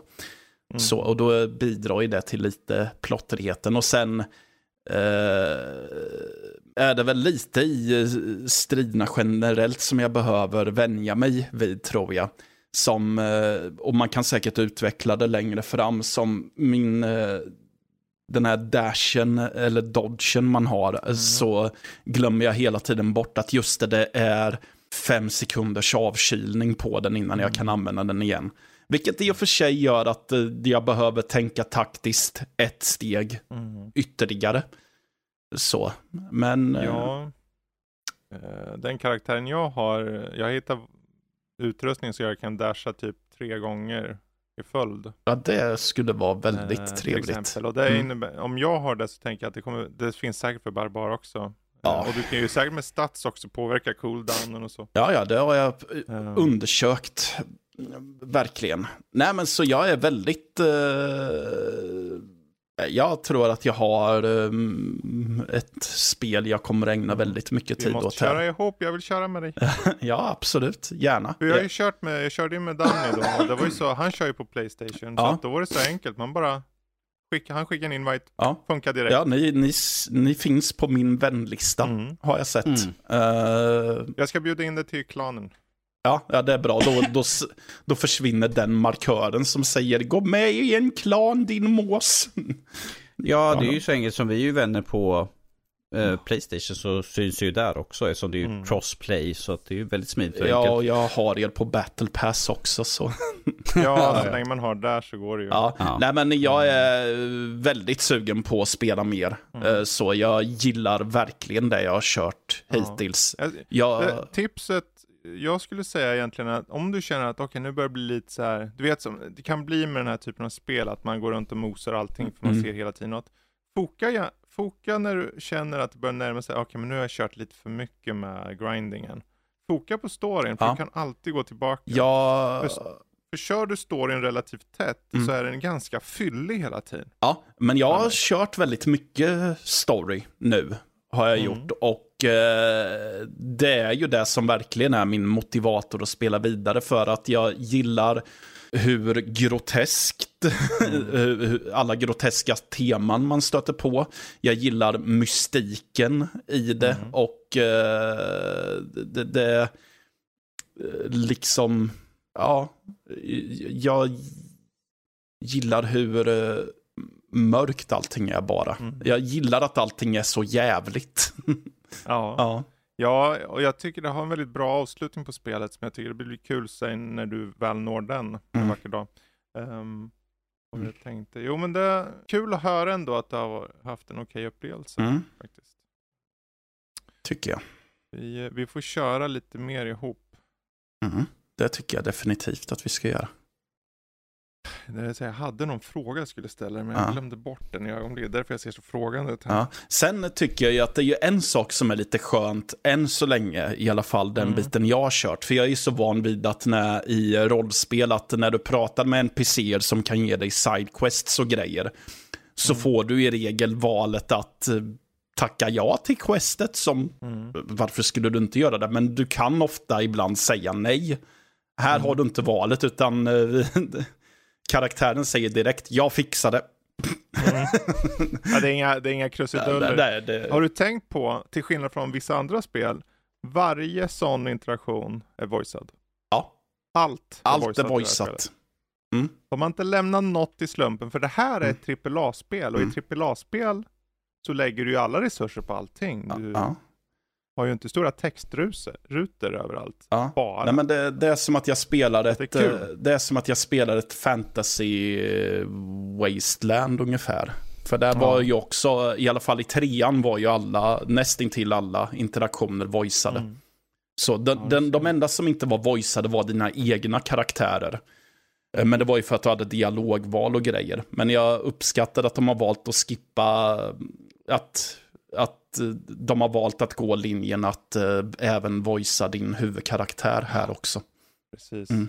Kul detalj är att när du kör barbar nu så har du ditt uh, skill tree och den barbaren Mm. har ju specialförmågor som i sig har ett special uh, skill tree av något slag tror jag. Mm. Jag har inte kört barbaren så jag kommer inte ihåg hur det ser ut. eh, Mm. Eller hur det ska se ut. För varje karaktärsklass har ju olika typer av skill trees. Mhm. Ambitiöst. Ja. Eh, och sen när du har nått level 50 så får du ju det som kallas paragonnivå. Och Mm. då kommer det en ny, Ja. en till liten uh, session med olika typer av öka willpower, öka Mm. intelligence. Ja, spännande. Vi får återkomma till det. Eh, särskilt när jag ska tvinga mig in i din spelsession och hjälpa dig på jag blir ju lite nervös ibland när jag, när jag, kom, när jag hade klarat prologen och när man såg Mm. andra spelare ränna runt. För man Mm. tänkte, åh nej, nu kommer de att sabba för mig, men det är väldigt sällan. Ja, det är bara i city du ser dem i regel. Ja, jag har sett Du ser dem några, ibland ute, det, beror på om du är ett event i närheten. jag har sett eh, några utanför, men då är Mm. det som du säger, jag har troligtvis varit nära ett event. Mm. Eh, så. Eh, bra, jag tänkte, vi- Norskis här, han har ju testat på Final Fantasy eh, 16-demot. Yes. Ja, vad, vad har du för något intryck av det? Och finns det någon liten premiss i det? Eller är det här en prolog, eller vad är det för något?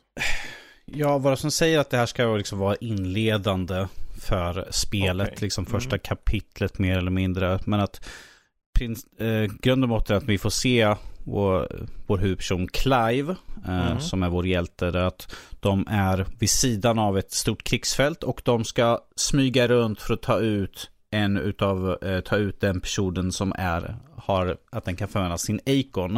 Acon är de här jättestora, typ, eh, vad heter hon? Eh, Shiva och dem. Så de, de kan liksom, det är människor som bär kraften att kunna förvandla sig till Ifrit och dem. Och de ska försöka ta sig till fiendesidan.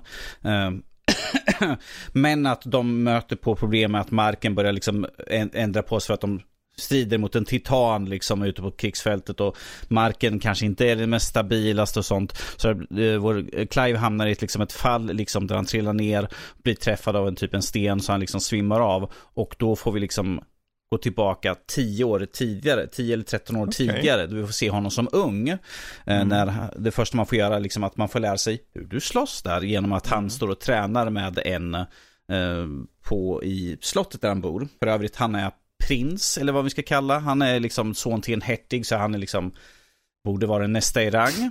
Och i deras familj så har de att de kan få bäraren av flamman. Eh, Så att de har fågeln Fenix som de kan förvandlas till.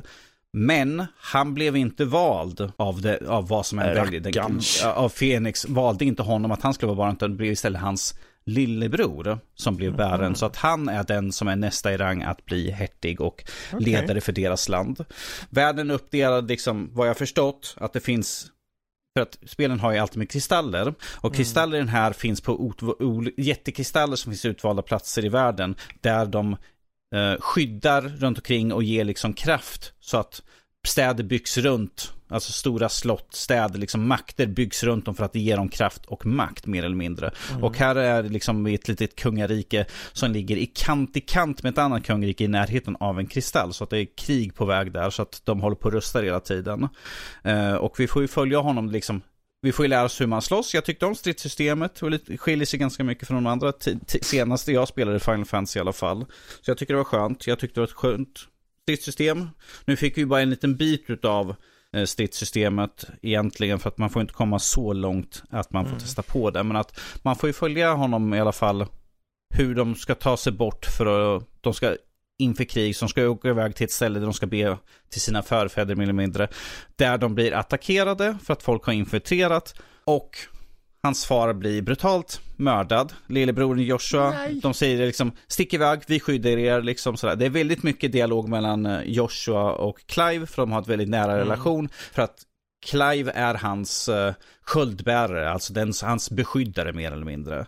Det är, hans, det är hans roll helt enkelt och hans mamma tycker att liksom, han är en pöbel för att han blev inte vald. Så att han har ingen värde längre. Jag känner på direkten så här Game of Thrones liksom. Ja, Jon ja, ja. Snow liksom. Han är liksom egentligen den äldsta utav syskonen men att det är som han är en bortbyting eller vad man ska kalla honom, att han inte är en riktig rang där. Och det är samma sak, hans mamma, oäkting, hans mamma, den här mamman på direkt bara liksom, hon pratar inte, han kallar henne, måste kalla henne eh, ers höghet och sådana där. Och hans pappa måste också kalla det så liksom i närheten. Och hans pappa tyckte sådär, Ja, hon inte, du behöver inte, don't kiss my shoes liksom sådär. Hon är inte i närheten, hon kan inte höra det liksom. Han bara, okej pappa. Alltså, men så fort hon är i närheten bara, min lord, sådär. Man bara, ah gud. Jag bara, die bitch, die. Jag hoppas hon dör. Brutalt.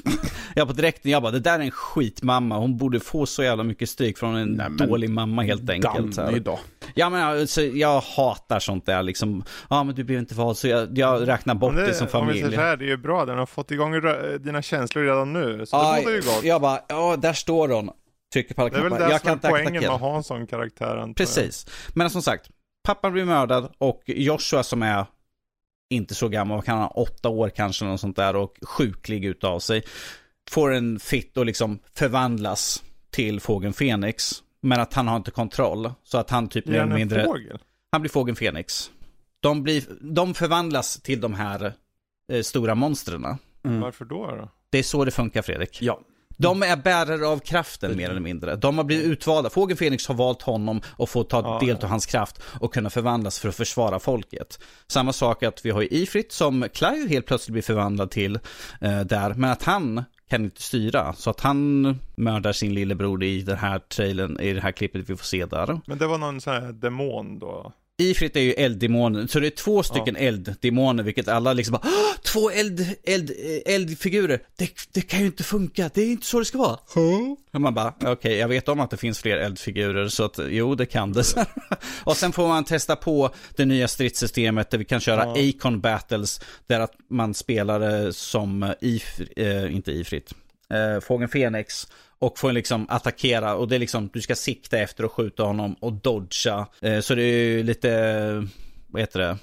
Att du ska ju tajma in liksom att nu kommer han attackera, tryck, X- tryck Okej. X nu för att undvika, tryck cirkel för att skjuta och sådana saker. Det är samma sak i stridssystemet har de också där ju att det är mycket sån här timing Mm. på eh, dodga och liksom göra en motattack. Men att, och det, det avslutas liksom där med att han blir tillfångatagen av fiendesidan som kom dit för att mörda honom. Men sen får man testa på, eh, när man har gjort klara av den biten i demot så kan man, får man ett till segment man kan spela som finns på menyn som utspelar sig senare i spelet bara för att testa på hur det är att spela honom. Han har lite fler krafter, lite, fler, lite mer styrka och allt sånt där. Plus det är att... schysst att de bjuder på så mycket. Ja, ja det, är, det är ganska mycket. Plus att man får träffa på nu kommer jag inte ihåg hans fulla namn, men Sid, som är en klassisk karaktär. Vilket är intressant nog, som vi pratar om Diablo. Han spel, görs av samma röstkaraktär, eller röstskådis. Som gör Lorats röst Jaha. i Diablo. Så jag satt så här, han började prata, jag bara, Lorat? Det här är fel spel. Vadå, den här Sid, är det samma karaktär som är i alla spel eller? Det, ja, i det här vet jag inte riktigt för, för i vanliga spelen så är han en, eh, en uppfinnare och sånt där. Och här, jag har inte riktigt fått vad han exakt är för karaktär. Man får ju veta att han har ju ett förhållande med en av karaktären som han spöar på senare. Det är inte bara att de bara alltid har en karaktär De har alltid, precis, det är ju en återkommande karaktär. Men att, att han har, kanske... princip i alla andra så har han varit ja. en uppfinnare av något slag. Ja, ja. Men han hade ju ett längre namn nu, men att jag bara, Sid, jag bara, Ah, ja, okej. Okay. Så började han prata, jag bara, Loreth. Sid bara, Vicious hette han egentligen. Ja, Sid Vicious, precis. Uh, nej, så att man, då får man ju liksom ta ett uppdrag där man får följa med Sid liksom för att mm. de ska hitta, för att uh, Clive har hittat liksom vem som kanske är ansvarig för att ha mördat hans uh, pappa och ja, vem som precis. tog över, den som tog över honom och fick honom att mörda hans bror. Mm. Så att eh, det, han kommer dit för att strida då och då får man ju liksom möta på en karaktär som också kan förvandla sig lite grann och bara så, som, och man kan flippa mellan tre olika, vi har liksom eh, elektricitet, eh, eld och eh, mm. vatten eller vad fan det var. Den sista jag använde, jag använde bara eld för det mesta. Så att, jag tycker det var kul, man fick i alla fall testa på liksom introduktionen av liksom mm. hur man lär sig allting och sånt där. Se liksom dialoger och sånt där. Berättelsen lite, berättelsen lite grann och sen fick mm. man testa på ett senare, senare segment från spelet där man faktiskt har är en betydligt mer rutinerad krigare. Så att det finns... Eh, alltså, jag, jag, blev glatt överraskad för jag har varit mm. väldigt skeptisk till. För mm. att det som de har visat upp har bara varit sådana här Icon-strider hela tiden. Mm. Förra gången var bara extra avans, det bara blixtrade, dundrade, Enorma monster som Enorma monster som slogs ner. Jag bara okej, okay, jag är inte intresserad av det här biten. Så där. Jag vill ha den lite mer ah. jordnära biten som är liksom Final Fantasy. Men kul ändå att du fick tid att testa det. Jag menar, mm. det, det, finns ute där för alla med Playstation 5 då antar jag bara. Playstation 5 uh, och det gäller bara fram till den 27 nu. Det är tidsexklusivt demo. Ja, ja kul. Ja. Jag hade tänkt att försöka testa det på Lies of P också men jag har inte haft tid. För att det, de släppte ju också ett demo på det men jag har bara inte kommit runt och testa på Nej. det. Uh, men glatt överraskad sådär. Ja. Uh, Killer Frequency om vi avslutar vad vi spelat sessionen då. Mm. Vad fan är det här? Killer Frequency. Det är, ett, ja, vad är det? Ja, det är ett spel som utspelar sig 1987 och du spelar som Forrest Nash som är en eh, radiopratare för ett eh, eh, program som sänds typ mitt i natten. Eh, och vad som händer är att eh, de, han och hans producent sänder som vanligt. Eh, men eh, just det tillägga ska är att det är en väldigt liten stad de sänder med. Så, mm. ja. Eh, men plötsligt så ringer det in en person som visar sig vara den eh, lokala, eh, den människan som jobbar i den lokala eh, nödnummersväxeln. Eh, mm. eh, och eh, säger att någon har mördat polischefen. Mm. Eh, och jag måste åka med den här eh, skadade polisofficeren till eh, grannkommunen. folk kommer fortfarande behöva ringa 112. Så mm. jag eh, vidarekopplar alla samtal till eh, din telefon på radioprogrammet. Okej. Okay. Ja. Eh, så. Och då visade det sig då att det är en eh, gammal seriemördare som många har trott har varit eh, död och eh, borta som kallas för The Whistling Man. Som mm. Eh, verkar göra en återkomst typ 30 år efter att han härjade senast. Så spelet är ofta att eh, det ringer in ett samtal och så ska du försöka vägleda de, den här personen så att den förhoppningsvis klara sig levande ut ur eh, konfrontationen med den här mördaren. Eller mm. så om du gör dåligt ifrån dig så dör den. Mm. Och spelet kommer bara fortsätta då och sen så får du reda på i slutet så ser du ett fotokollage på alla karaktärer och så är det ett kryss över alla som råkade dö. Mm. Uh, och samtidigt som det så försöker du även uh, göra din, tillsammans med din producent så försöker ni göra en uh, egen liten undersökning för att ta reda på men vem är den här visslande mannen mm. egentligen. Mm. Ja. Hur är det här då? Jag var nyfi har varit nyfiken på det här länge. Och jag tyckte att det här var jättebra. Uh, faktiskt. Nej, men, så jag tycker att det är kul i spel när, när man utforskar vad man kan göra rent narrativt. Och här, ja men går det att få en spelare att känna sig engagerad i ett spel även om de inte nödvändigtvis ser någon action hända.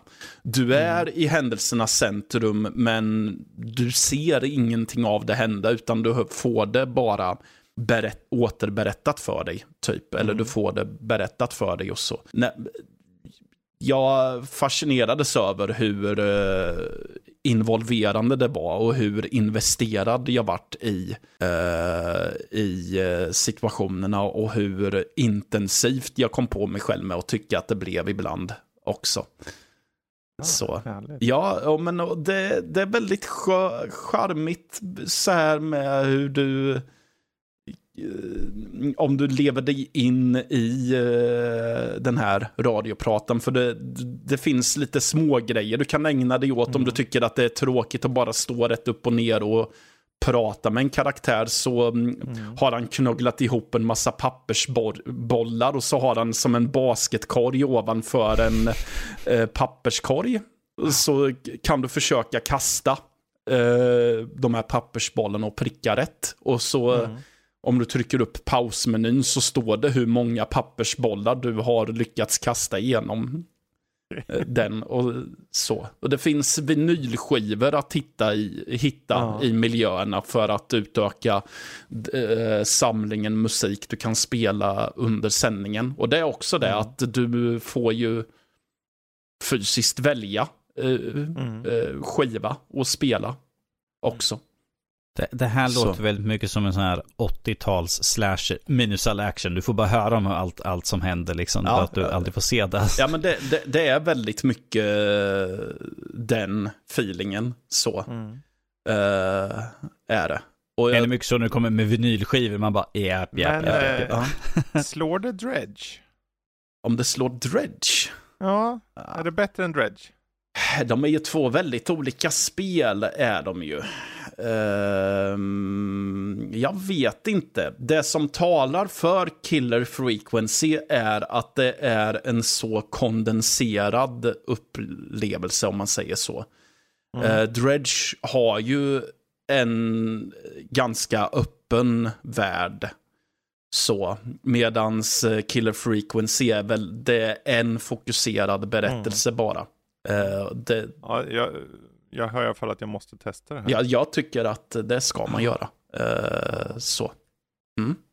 Ja, Killer Frequency finns på Steam och andra kanske konsoler. Jag vet inte om det finns på konsol. Men det jo, det, det, det finns på konsol. För en, när jag prat, rekommenderade en vän det spelet så mm. kollade han om det fanns på i alla fall Playstation. Vilket mm. det gjorde. Men, så jag tror att det Härligt. finns på alla.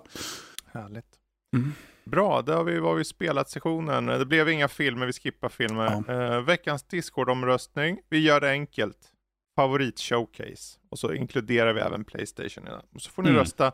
Och då är det utifrån vilket showcase hade flest spel som ni fann tilltalade er. Så det behöver inte vara bäst som i produktionen, utan bara antal spel som tilltalade er. Mm. Uh, bra, jag tänker vi ska riva av några snabba frågor här som jag fått, för de har legat ett tag, eh, mm. uh, såg jag i Q&A för podden. Uh, ibland är det inte ens frågor ser jag. Uh, Viking Gamer har skickat in, han har frågat om vi har testat Gollum. Jag tror väl att svaret är nej. Nej, nej. tyvärr. han skriver, är det precious? Alltså, jag skulle, jag skulle vilja testa på ett sätt Ja. för att se om det är så ruttet som alla säger. Men kruxet är ju att jag vill ju inte lägga pengar på någonting som jag kanske spelar i fem minuter och säger nej fy fan. Precis. Mm.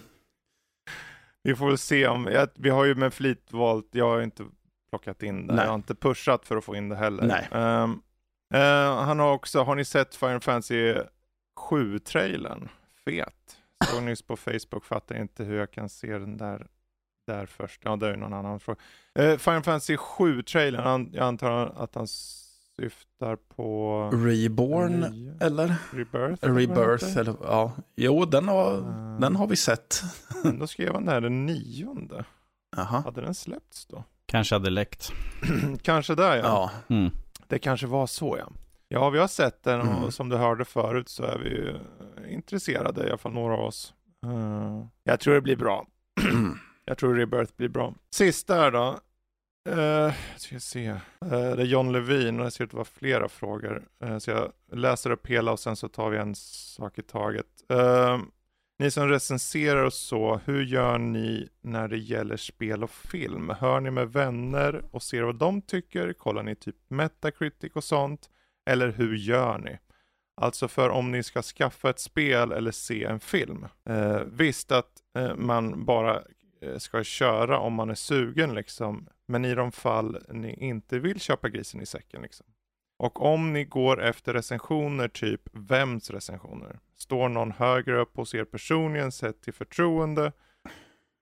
Ja, många frågor på en gång, men ni snackar hela tiden om vilka spel ni har recenserat, så vill jag höra hur ni själva gör när ni väljer att köpa något spel eller gå på någon film. Tack för en bra podd. Um, hör ni med vänner eller, och ser vad de tycker? Kollar ni Metacritic och sånt? Hur gör ni inför ett spelköp? Eh, gen ja. Generellt sett när jag köper ett spel så brukar det vara ett spel i en, i en samling till exempel. Assassin's Creed. Jag har redan förhandsbokat Assassin's Creed Mirage för att... Mer en serie av spel. Precis, en serie av spel. eh, för att jag tycker om Assassin's Creed och eh, jag vet att det kommer vara säkert buggigt och skit när det släpps. Men jag är van vid det här laget så att jag förväntar mig att det kommer vara Mm. så. så att, men att jag tycker om Assassin's Creed-serien och jag tycker om historien. Det är loren jag vill ha. Ifall spelet kanske är lite wonky. Det, det räknar jag med lite grann ändå. Så att på den biten.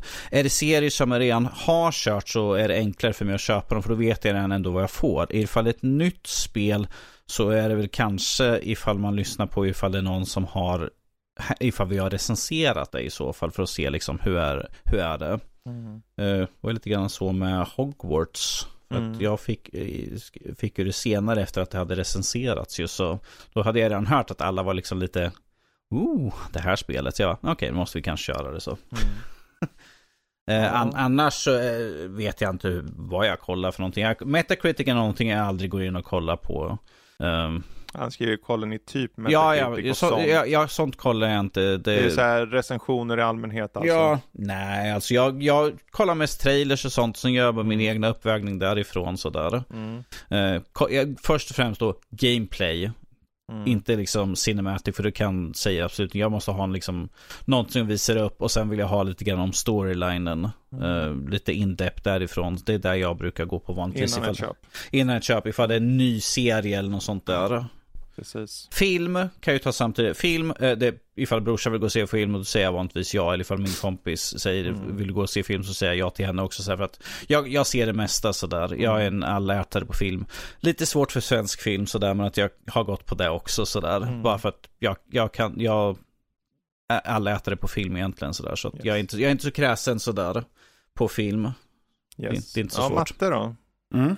Ehm, Hur väljer du att köpa ett spel? Är det, det, liksom, vad, vad har du- Han vad, väljer inte, vi säger nu spelar du Diablo 4 i Jakel. Vad utgår du ifrån liksom? Eller vad nu han menar här.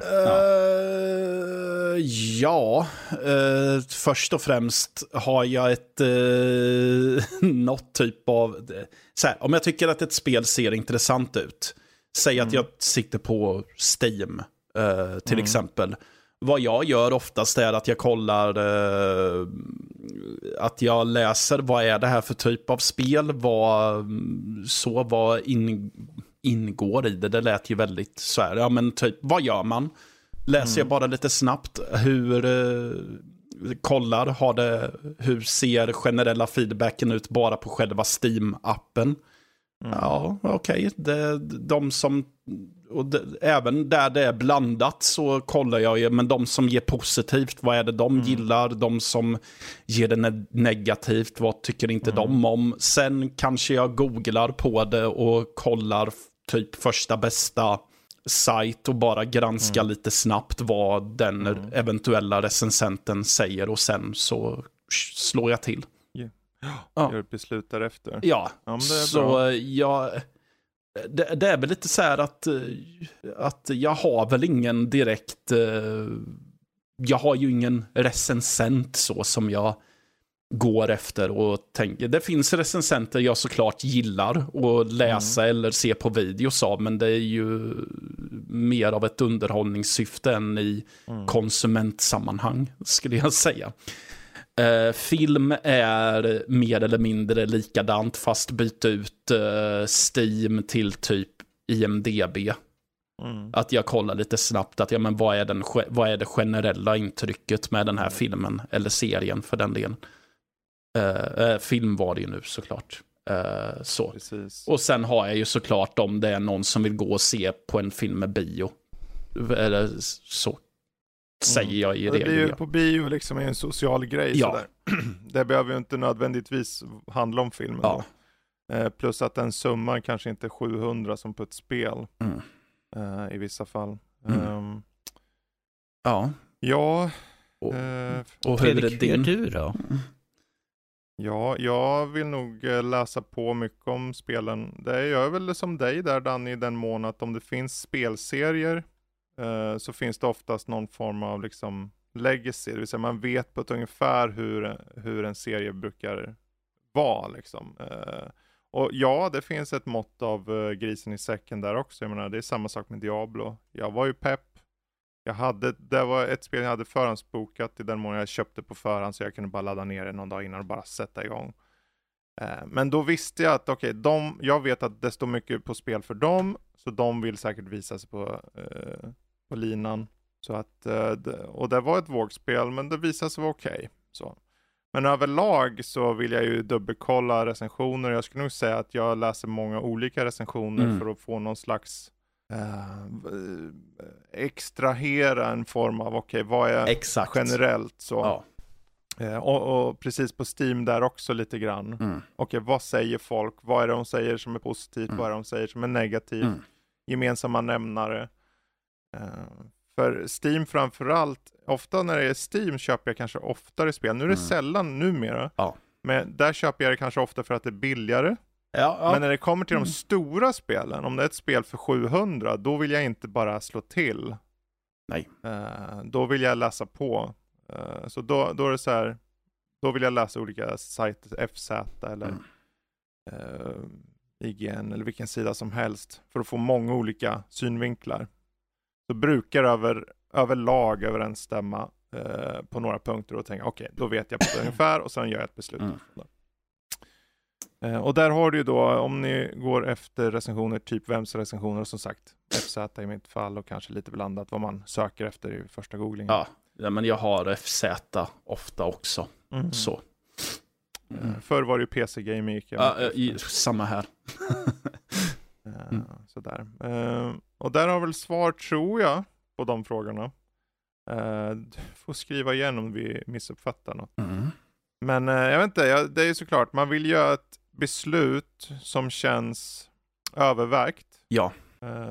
om man vill ta till bra källor så att man inte bara tar, det kan jag säga, på Metacritic, om jag, om jag mot förmodan skulle gå på Metacritic, så kollar jag givetvis kritiker och inte vanligt folk. För vanligt folk säger antingen 10 av 10 eller 1 av 1 mm. varje gång. Det finns ingen nyans i det. Vad du däremot kan göra på Metacritic för, är att kolla olika sajter, det är en bra genväg att nå de här olika eh, sajterna. Och så läser du individuellt ett par stycken och bildar en egen uppfattning och sen gör du ditt beslut. Sen får du leva med det när du har köpt det där spelet och det visar sig inte passa dig i alla fall. För det kan, det kan ju fortfarande hända ja. att det inte passar dig. Liksom. Mm. Så att, eh, men det är i alla fall, där har du våra eh, sätt i hur vi tar oss an det.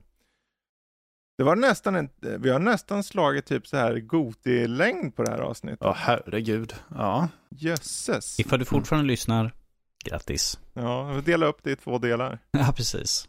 Eh, bra, men uh, efter det där fylliga avsnittet, ni vet ju det här laget att om ni vill ha mer av oss så hittar ni på nördliv.se. Och uh, är ni så komma in och skriva som de gjorde på Q&A för podden som den chatten heter, så når ni Discord då via att trycka på den där knappen där på första sidan, på höger sida. Uh, och är det så att ni är nyfikna, jag kan ju säga det, vi har ju precis spelat in Hall of Fame. Sista avsnittet är förinspelat nu och vi kommer ju uppenbarligen inte få med allt. Eh, vi har fått en del förslag eh, och vi har fått feedback som säger att vi, vill, att vi vill, eller ni vill att vi fortsätter, vi får klura på det. Eh, men är det så att ni fortfarande känner, jag vill berätta att, att ni ska eller inte ska fortsätta med Hall of Fame, ta DM oss på Twitter eller på Facebook, ja, kanske inte Facebook, men på Instagram i alla fall. Alternativt skriv det inne i, på Discord där, så finns det någon Hall of, Hall of Fame-chatt tror jag. Om jag inte missminner mig. Så att uh, hör av er i så fall och, och gör er röst hörd. För annars så är det förmodligen avslutningen, uh, den slutgiltiga. The final. The final episode of all time här om några veckor.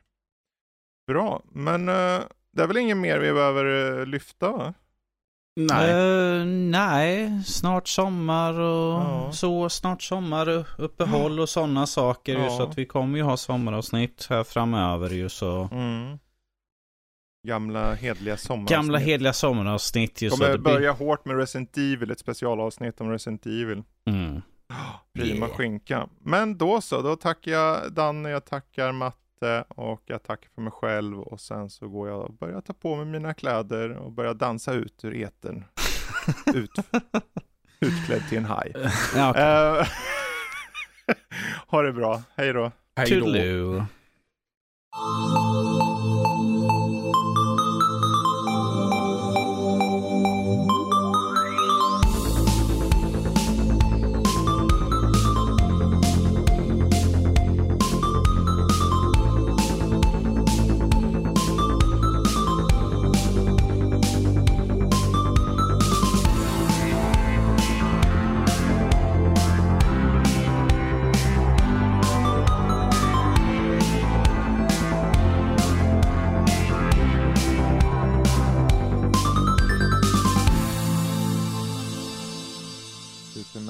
Helios. Du Matte, har inte du något roligt skämt du kan börja med? Få igång, få igång oss lite. ja, men... Ingen press, men allt hänger på dig. Okej, okay, men... Ingen eh, press, men allt.